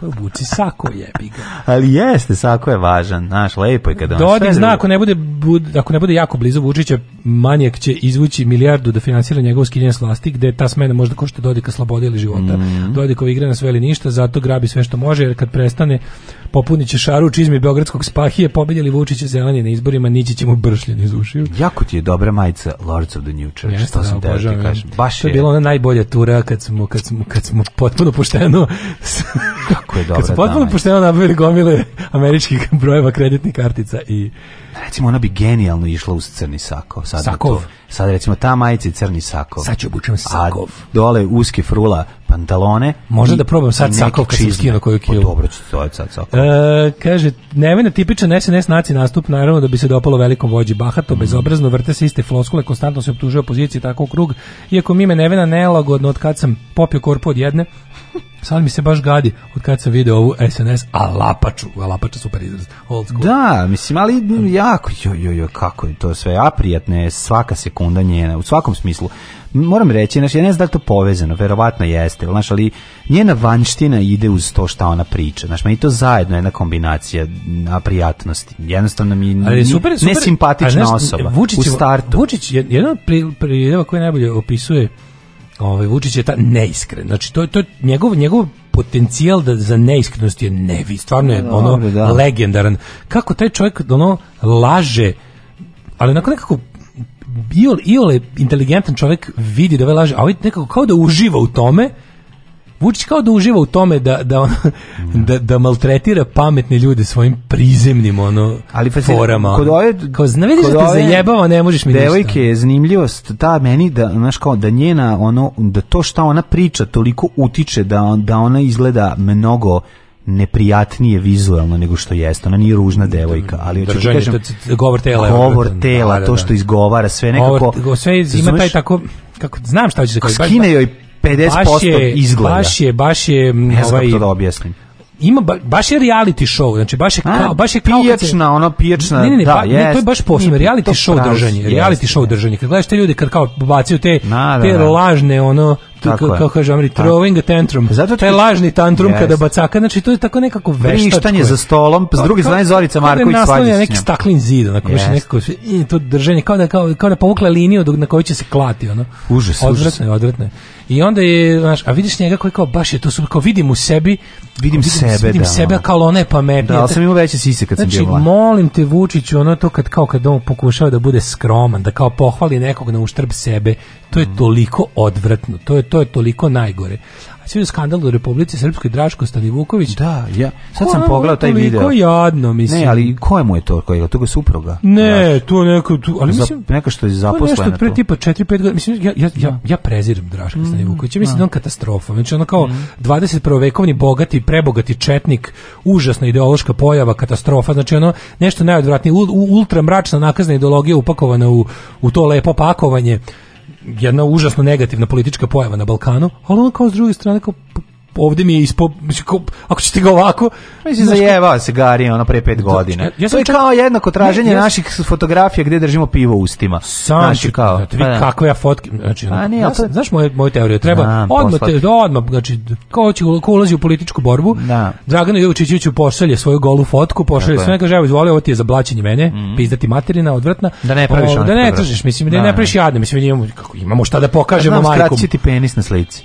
E, mi sve ako to ne bi pa uradili. Mislim, toliko pokvareni. Pa naravno da bi uradili. Da uzmiš, ono uzmi, pa smanjio bi ga Photoshop. Smanjio bi, Čisto da kad ne znam više kako da te ono... Ali bi te zajebo, da se meš vidiš što je mali. Pazi, kad mi to nije palo na pamet, neko može... a on je toliko pogan. A kažem ti, ne možeš ti... A on je stvarno toliko pogan. Ne možeš, ti stalno prilaziš sa nekih vitiške strane u to On nije to vitiški, nego sam bio uzmano... A ono- nije kao, sad ću ja njemu vitiške, je pošaljem moju sliku. To je bio ono. deo moje, inače, ono ongoing kampanje celoživotne da seks izbacimo iz moralne kategorije. Ne bili ljudi mogli se bave ono stvari. To nećeš nikad izbaciti, pošto mi živimo u ono post eh, hrišćanskom društvu u kome će ti ono, ono reći da je ono sve što si Kaže, vidi, radio se za gradonačelnicu, a jebala se. Da, da, Znaš, da, da, to je to. A to je bukvalno... trudna ne, ne, ne možda kaže da se nije jebala. Ne, nego buku imamo imamo snimak sekretarke, ne znam, on, uvijek je žena naravno gore pro, gore žena, ovaj gore prođe. Jer onako ovaj ako vidi je kako sedi na letovanju dok dete pored nje prodaje krofne, a ona se življava na njemu. Znaš, neka fotografija sa mora seksualnije, mora da bude onako kriva je što se skinulo kupaći na plaži. Pa to ti kažem, jer to samo drolje rade. Naravno, A ne može, mislim tako. Kako može žena koja ide kupaćem na plažu da da vodi ministarstvo za bilo šta? Vidi je na nudističkoj plaži. Ma kako ovoj ne do je uf, to je daleko. Pa napravili su to. Kad nađu dističku plažu, to je Ja ću ono, glasat za nju. Ne, Kako pa ne, to, da, Ne, nego se kažem to je deo moje te, ono, ja razmišljam kako ti, bi ti pokušao da budeš kao fuzonko, sad ću ja vas da predupredim, ti evo moje. Ono, ne možeš onda bi oni onda bi oni fazonu kao pošto s ovim ne možemo ovako nema tog stida libertinja što znam, bi se reklo predu, ti si car e, Photoshop produži ga na 40 pa kad ga skrate na 20 To bi opet bude dobro libertinac je znaš kao ne možemo mu ništa čovjek nema taj ono ima taj malo da, onako, da da da da operisanje e, znaš, ne može ne ne pati ne možemo ga da ga navatamo mm. to hm šta možemo možemo da ga ono da ga udarimo da boli pa naravno o, ja stvarno da, mogu da, zamisliti. Ti možeš zamisliti. Smanjiti i sise i penis. Možeš da Majko zamisliš, moja. tačno možeš da zamisliš uh, Vojčićevića koji je dobio, da, da, koji je slučajno dobio, nemam pojma, ono, da, da, da. sliku kite nekog iz stranke Vuka Jeremića koja je to baš nije slučajno mala. I zamisli nekog... nije Vuk Jeremić. A, nekog, da, da, neko da, ko se pojavio na, ono, na, da, na, na sceni i, ovaj, i, i on kaže, i znam šta ću uraditi, stavit ću mu svoju... E, I on zove ovog prelom i kaže, sedi, imamo posao. Stavit ću mu kitu Vuka Jeremića i onda ako pogleda kaže, stavit ćemo moju ipak. Treba, treba baš da ga uvredimo. Ode i slika se u WC. I kaže, zamenite ga. Odakle nam ta fotografija? Tako da, tako da, to sam da, sa takmičenja za mali penis kod... Onda bismo, onda bismo pomerili bismo polje borbe na drugu razinu. Znači, od, od, uopšte seks šejmovanja mhm. bismo se vratili na dobro staro kao izrugivanje fizičkim karakteristikama. Pa mislim, oni idu na to stalno. Ne, ali, svaka fotografija e, pozicije je ono, hvata se frame gde on ima facu kada mu nešto smrdi pod nos. Bilo ko, Znaš, to je ono, da ono, oni, oni ne fotkaju, oni znači snimaju full HD-u pa da. i onda zaustavljaju frame-ove Frame da ono kao zevno, uhvaćen između mm. udahne, jede, pa ovako kao da, da. otvara usta da obuhvati Srbija sandwich. propada, a on zeva, to je podnaslov naš. Ja, ono. Ne, ali, ali mora biti neki komentar. Ne. Da a on se, jede, davi se u jajima. se u sandviču. Znači, sandviču znači, ta i ta. Džilas jede sandvič sa pumpe za 470 dinara, dok da. običan narod nema leba da jede. Da, kao što je sandvič sa pumpe Za 470 dinara u Vučićima Srbiji. Ne može, you cannot win a nuclear war. I onda je ono- I to, onda su, to su pumpe u vlasništvu djela sa znaš. Onda, I onda kao Vučić koji kaže, kao, meni se kao sviđa, mi se kao treba da više toga, jer onda kao pod jedan, ja uvek mogu da ispadnem, mhm. naš uvek mogu da ispadnem taj neki glas razuma i finoće, jer ja kao baš tako ne govorim. A s druge strane, kao, znaš, meni neko ima, ima to nešto baš posebno zlo u tome da, ja sam bio žensko. Posebno nešto pogano u tome, verovatno to već neki filozof pre dva veka primetio, da malo šta je zlo kao čovek koji je na neki način posmatran kao učitelj bilo čega, koji, koji kod svojih učenika razvija pog, pogrešno. To je baš vrhunsko govnarstvo. Znači, kao, neki učitelj bilo čega koji izdvoji neko dete koji ima očigledno neku osobinu koju treba ispravljati i onda ga, i onda ga, i onda ga pospešuje u, u, u zlu to je, i neznanju. Da, da, da to mislim to je veronauka ukratko, ali je ovaj to je ukratko veronauka, ali je van veronauke. Kada jednostavno kada čovjek da. kada te bilo ko vidi kao nekakvog pa mentora. Pa to je potpuno suprotno od onog što je radio juče Edsman pučem paralelu, ali juče mi je Voja Brajović baš pričao o Pavlu Vujsiću, pa ću ti reći jednu rečenicu koja bi trebala bude suprotna od toga. A, pošto ga je provalio da jako uči tekst i da jako štreba sve, znači Pavle Vujsić za koga se tvrdi Misle kao da, da ništa, on stvari se kaže, ja sam mu rekao ti si u stvari Pajo Štreber, a on je rekao ako ovo izađe do prostorije. evo rekao kao, ok, dobro, kao, provalio si me, kao, kao, ali kao, e, znaš ti kao zašto ja ovo učim, jako, no, ovoliko studiozno, kao svaki tekst, kao, pa kao, pa zašto, kao, pa kao ja nemam dece, znaš, ali ima jako puno dece koje me gledaju i moram da im budem dobar. Pa to, to, to, je poenta priče. A ovaj, ovaj bukvalno, ovaj gad radi sve pok... Ovaj, ovaj Gad ne može dopusti ni on je on jednostavno on misli da svet počinje i završava sa njime. On ne može da osjeti drugi ljude. Ne može, ne može. to je jednostavno to je odsustvo empatije, odsustvo mislim odsustvo nekih. E, to je ono što njega čini pravim psihopatom i to je ono što on ne može nikada sakriti i jednostavno znaš kada vidiš kada kada pospešuješ ljude u zlu ti si ono ti, ako, ako postoji način da nadzliš zlo to je to. Dobio sam novu službu čuvat ću šumu, postaću lugar. Alarm svakog radnog jutra od 7 do 10.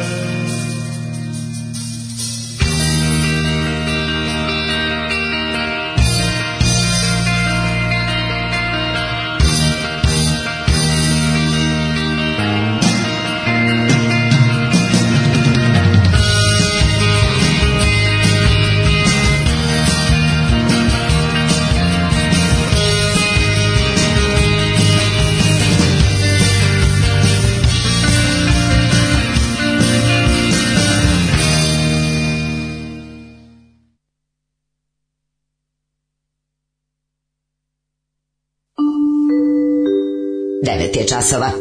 Radio Taško i Mlađa. Prvi program.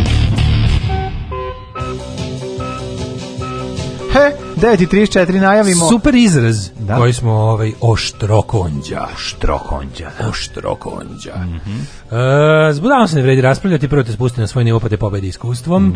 A Bilja Pilja, ona jeziva skomštinarka, ona je uživa sasvim normalna ljubazna komšinica s podbare. Znači da ne verujete, oportunizam je veliko zlo. Mm kako su ih našli tako? Kako, ali znaš, ono, to je, to je, šta ti kažem. To, je Dirle Vangir divizija, mm. znaš on iz... Yes, šta je Dirle Vangir divizija u SS-u. o znači- Dirle Vangir, Dirle, da, da, da, znači, da, da, Oskara Dirle Vangir i njegovu diviziju. Znači da vidite kako se planski pravi grupa najgorih ljudi da obavi odvratan posao. Mm. eto to je srpska napravna strana. Jezio. Znači bukvalno, ono. treba da preuzme njihov logo, ne dve ukrštene granate.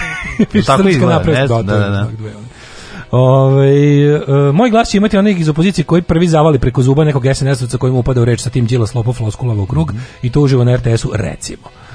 E, si što su radili sad isto za, za vikend? Demokratska stranka negdje izašla ono da znaš ono, ono neredovne stranačke aktivnosti kad povremeno što bi trebalo da radi svi više ovi rade nekad kad ih ono muka to ne da Beograd trenutno jedino od opozicijskih partija radi redovno i kako treba i se nadam se da će ovi ostali da se malo trgnu to ono, ono izlaženje u javnost znači postaviš štand mlađi. Znači, Oni su govnari, vidio sam to da su ih ono okružili, do, doneli ono ozvučenje sa main stage-a, ono da ih maltretiraju. Potpuno beznačajni da. kvart gde ovi su došli, kao evo ljudi i mi postojimo. Mm, mm, mm. ne nešto postojiš. Što, nešto što bi...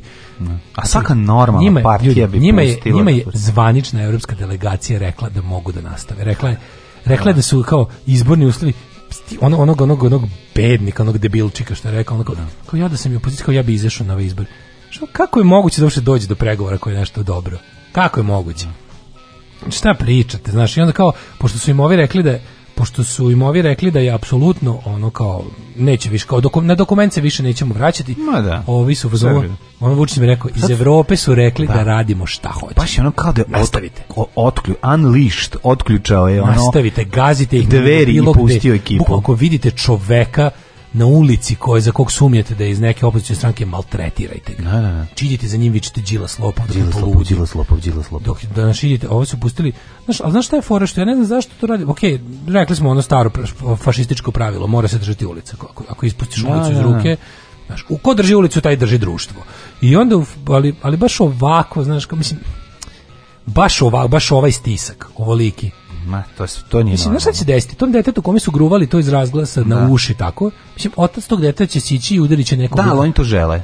Mislim, to A zašto to, to žele? Zato da bi imali onda to, ne, taj, taj, napad. To neće biti aktivista demokratske stranke, to će biti čovjek kom, kom su ono dete... A pa reći će da je to aktivista demokratske stranke, Đilasov vozač napao. Mislim, oni će izlagati, kako ne skataš, tu nema, ti stalno pokušaš... Znaš, bit će apolitično, će ih neko umlatiti. Vidi, u, borbi bez pravila ti pokušaš da igraš po pravilima nekim, opet kojim što... Oni, tu, tu to ne postoji. To je jednostavno jedna kaljuga, jedan ono banditizam u kojoj je ono pitanje samo kao krenuo si na ferku, prvo što izvadi u jednoj ruci i je i u drugoj je ono kobra daska sa dva eksera. Oni jednostavno, kako ti kažem, i kad padne dole opet će izvaditi ono špric ono, da te ubode. Mislim, jednostavno, da, ne... Razmišljam kao, pa ne, u trenutku kada sve ovoliko držiš... Ti, ti, opet krećeš sa nekih pozicija. Pa ne, ja bih rekao, neko, ne, ja to čisto logično, tipa, kako možeš imati više od svega? Ako imaš sve, imaš sve, ne možeš imaš više od toga.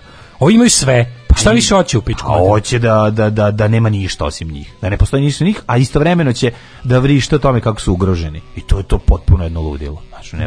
Vučić koji tamo priča da ne može da živi od medija koji su finansirani sa zapada, milioni su uloženi u mreže za rušenje njega. Strašno, ne da veruješ. Danas i Nova SN1 mu u, mreže za njegovo rušenje prošao jedan libar, ribar, ono iz voda Vojvodine i pokupio i odneo ih. Znači mreže za rušenje nema. Ove, ali slušamo, ne, slušamo jednu pesmu. Jednu pesmu idemo u Čita, došli mi burazir sa sela, već ne malo. Samo ako ćete da igrate kola, to ne držimo. Alarm sa mlađom i Daškom. Ajde, kuri.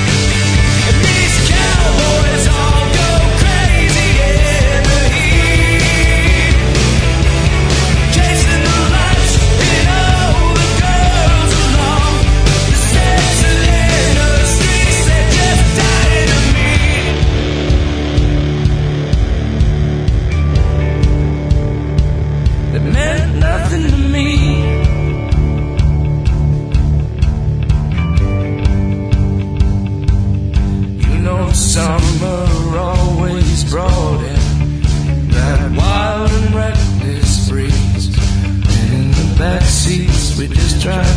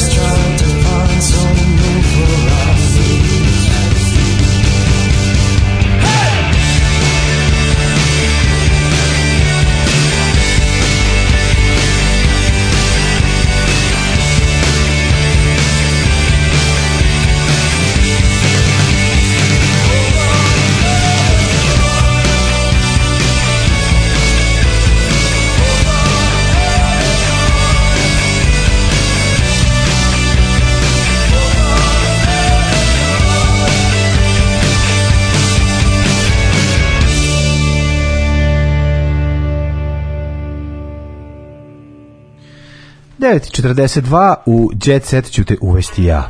Da.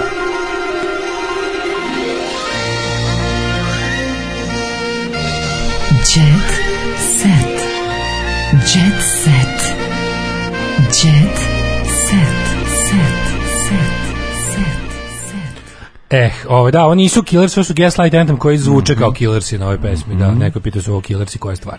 Gaslight Anthem. Znači Gaslight Anthem. Gaslight Anthem. Nisu Killersi kilersi Idemo mi u tuđe tesestsi, da vidimo šta kažu. Uh, uh, u, Aleksandar Radojičić u dinastiji tumači i hranotelitelja. Mhm. Voleo bih da me ne upoređuju sa likom iz originalne verzije. Kako neće? Pa neće. Glumac kaže da je ovo srpska adaptacija čuvene sapunjare. Svi igraju, u, igra i Voje Brajević u dinastiji. Kako ne? Znači, šta mi, sam ga kako izgleda. Kaže, vidjet ćemo, ovaj, potrudili su se kao malo više nego u odličnoj sapuni, u, ostalim sapunicama, tako Teško da, možemo da pratimo strane produkcije, ali ove serije za 80-ih tako da tu produkciju možemo da ispratimo. Ovo je dosta pošteno rečeno. ja. Ja igram vojnika koji želi da bude među starešinama. On vidi svoje mesto visoko, ali nesmrtno ulazi u avanturu sa gazdinom Ćerkom što može da bude riskantno. Sa felonkom. Yeah. Sa felonkom. E, nije peder. Ne. Nije, dobro Kad si tako dobro producent, što Čerke nisi napravio zvezdu Fight, uh, ovaj, i Ceca ponizila Bosanca. De, Ceca možda ponizi Bosanca, ono dok je, dok je Bosanac svirao, Čuti pravio hitove. Kravo, na, stvarno, ono, znači ti si ti strala gaće i jela pačije, ono, umjesto dudinja. Mislim, ti nemoj stvarno, sram te bilo. Znaš ti kad sam ja ovo zaradio, pokazuje fleku na košulji kao, kao Bića Tomić u, u, ovom, e, kako se zove, e, kod tamo peva. Znaš, kod tamo, znaš da li pokaže ove, e, ove ordenje, a ovaj samo pokaže fleku od, znaš ti kad sam ja ovo zaradio, ovo fleka od pečenja kad si ti još bila u tatinom i tako dalje i tako dalje. Uh, Luna, ne mogu da budem normalna. Luna je otvorila dušu nakon porođaja prvi put. Ne mogu, ja mogu da pričam tri dana o pogrešnim iskustvima sa muškarcima. Ima to nešto što te privlači da je loše, ali uradiš. Uvek me je ranije privlačilo nešto što nije dobro za mene. A, rekla je Đugani u magazinu i mhm. Ne mogu da budem normalna kada nisam normalna. Eto sve objasnila. Ej, Zana koncertno proslala 40 godina karijere. Uh, nedavno premijela Marita Tuca koji je bio... Svaka bila, pesma na otest tih posjećenja sami znate šta se sve izdešava u nama i našoj mami, ovo je veće posjećenje njoj. Mhm. Maki Beograd peva samo za tebe, rekla je Jelena. Mm Uh, žika i su sa knedlom u grlu održali su veče za pamćenje. A nije bilo, nije, nije, nije bilo gosti. Mislim, nije bilo ono ko što treba. Kako mi ko što treba? Pa nije pa, zašto za to mora se to su bili za, to, to su bili najavljivali, ja sam da čak i želeo da odem na taj koncert, ali no, mm -hmm. Ja, majko mila, ovaj, pe, vidio, ovaj, u publici su primjećeni i Nenad Knežević Knez i Boki Perić. znači da baš niko živi nije bio. Znači da baš niko živi nije bio. To smo ti i ja došli tamo i nas bi slikali. Ono. Verovatno. Dotle. E, Milica kaže, majka je traži da je rodim unuku. Mm -hmm. Spremna je, she's ready to, um, to uh, come through in the role of mother. Promeniti to da da ide rađaj unuke. Rađaj unuke. Majka non stop, moj Instagram, ona je DM gori od majke. Ona lista one reels vide i kad god vidi neku bebu ona mi pošalje, ali obavezno devojčicu. Kaže ovakva da bude, ovakvu mašnicu da ima. Ja kažem ti samo naruči, ali sve je to do Boga, do sudbine, pa kako bude. Ej, razvodi prevare, otmice, izgubljeni članovi porodice i česta venčanja, tako će izgledati dinastija nova. Znaš ko bi tu super lego? Naša Staša bi ovdje legla super da uđe u tu dinastiju, da je e, ubaci da. da. igra, da igra neku bude zlicu neka... od opaka. Može, može, da, kako bi dobro legla. Kako nisu zvali tu Pa zato što to, ne znam, zato što očigledno ima neka druga ovaj e, po drugom ključu. E, pa biraju se pa glumci. Pa, pa, ne, treba li. Velika to serija tu svakom Pa mu ima posla i za nju, Pa isto, ako si tako dobro producent što ćerki nisi napravio zvezdu kako me nervira kurir blica, ono tako ono. su isti naslov stavili. E, Elenina kuća u šumi vredna više od milijan, mm, prelelepno izdanje sa posebnim prohtevima, Elena Karić. Mm -hmm. Nešto bi tanak Ništa posebno, ali ja ovi, kako bi rekao, pošto je ponedeljak, ne, ne, ne bolje, meni je bolje što, ne, mi je što, ovaj, kako se zove, mhm ima ovaj ovo mi nešto malka, kao mi kao škola za jet set. Mm. Novo vremena donosi novo zanimanje, nova akademska godina. Od smera za DJ-eve do akademije za influencere. Od smera do korve, izvinjavam se zbog ovog fazona. E, strukovni bloger, specijalista gamer, inženjer selfiranja, master reper, diplomirani life coach, e, magisterka starletizma. Ovaj e, jedan naš reporter pre nekoliko godina u pauzi snimanja festivala Kustendorf lutao je mokrom gorom pa naleteo na znatiželu To je mokrim čvorom. Zanimalo ga čime se neznanac bavi sa aparatom oko vrata, nije mu izgledao ni kao Sarač, Pinter, Dunđer, Ćurčija, ki... Što što, čekaj, znači svet, pa, se, znači, svet se deli na pintare, sarače influenceri a između ništa ne postoji.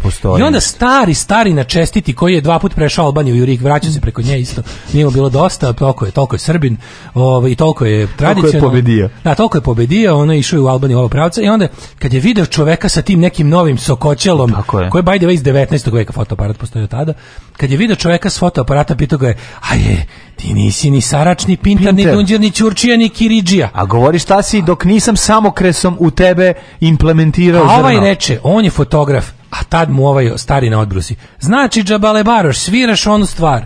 Sad je fotograf nije zanimanje odjednom. Ono. A nije, zato što... Ne, ne, samo prndađija, džopalija, da. knjakađija, pljepavac, čnjupar, čnjupađija, čnjupar, džobongler, to su samo su to zanimanje, ono ako, znači mora nešto, mora čovjek da sedi u govnima da guši da kuje gvožđe, ono, marš bre, ako ono, što se grožđe se jede dok je pa vruće. I onda kao to je jedna krajnost, onda druga kao influencer, ono, samo naš, kao... Nema drugo, pa da, mi, smo, mi smo zemlja krajnosti. Kaže, kako, bi, kako bismo onda ovom seljaku objasnili čime se bavi influencer? Da. Eto, bilo Pupin bi danas napravio... imam bolje pitanje. Od, e, Zašto bismo seljaku objasnili čime se bavi? influencer. Od pašnjaka do... Do naučenjaka. Da, naučenjaka. On bi nazvao to... Od... od pašnjaka do drugog pašnjaka.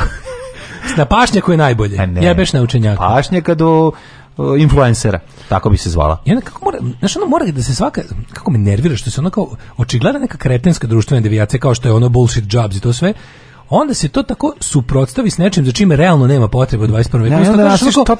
Pa da, u redu treba da manje influencera i life coacheva, a više jebenih vodoinstalatera. Da. A ne ono da mi, da life, coacha suprotstaviš no, ono Pinteru. svega, pa Da, to je da se obesmisli diskusija o bilo, bilo he, umjesto da pravi burad, za šta da pravi burad? Da. ajde budimo sad pošteni, recimo da zapravo svetska potražnja za ono za, za, za drvenim buradima ne veća, izvinjam se. A i nije majstor, mislim da napravi bure, već je majstor. Da, da uslika cure. Ono. mislim da za naslov strane. Znaš, onda kao mi moramo biramo kao svet se sastoji od, od zanata iz 16. veka, da, kovač mačeva. Veka. Da, kao imamo kao danas danas kao ako nećeš da budeš, ako eto nećeš da budeš da. influencer, ti Moraš, ne. kuj ono oklope za vitezove. Ako pravi ili pa oklope vitezove ili si ono ovaj dronđija, upravnik dronom. Aj zdravo. A zamisli onog iz 49. veka, on je iz stare dronđijske porodice, kao nema više dron, dronđije, od kada su hologramđije uzele stvar u svoje ruke, dronđija više Evo, našli smo posljednjeg dronđa. Sreo sam ljaka na obroncima. Phantom S6. Ne, Stari, sreo, sam, sam seljaka, na obroncima digitalne planine, Tako je. ono, XT59Q. sa starim Sa starom kojemu je rekao, e, a koji da. se ti baviš? On rekao, ja sam eterični. Nalazimo se ovdje na iskopini stare videoteke da. iz 20. Ja sam, veka. Ja sam eterični, da. pan, galaktički, ono, ne znam, e, šta veće neki ono što curi između pet kvazara. A ovaj mu kaže ne, A, ti, znači, si, ti si dezodorans e, pošto je i gurde ga izbog pazuha. Moje vreme su bili pošteni poslovi, pošteni kao recimo poslovi. čovek koji vodi Instagram nalog neke Tako kurveštije. Je. A ovo, i mi smo od jutra do mraka radili na tuđem Instagramu. u arendu smo uzimali Instagram, pa, pa, pa influencovali tamo. Pa smo tamo influencovali. Pa neke godine rodi, a boga mi neke i ne rodi pa nema lajkova dole. Nema lajkova. A dakle, čekaj, pepelnica živjeti. nam pojede lajkova. A ja, a ja po 500 pratilaca imao, treba to naraniti, a lajkova nije kuda A ti danas, ti danas tečeš između galaksije, volete kurac. Tekst čitali Mladin Urdarević i Daško Milinović. Ton majstor Richard Merc. Realizacija Slavko Tatić urednik programa za mlade Donka Špiček. Alarms svakog radnog jutra od 7 do 10.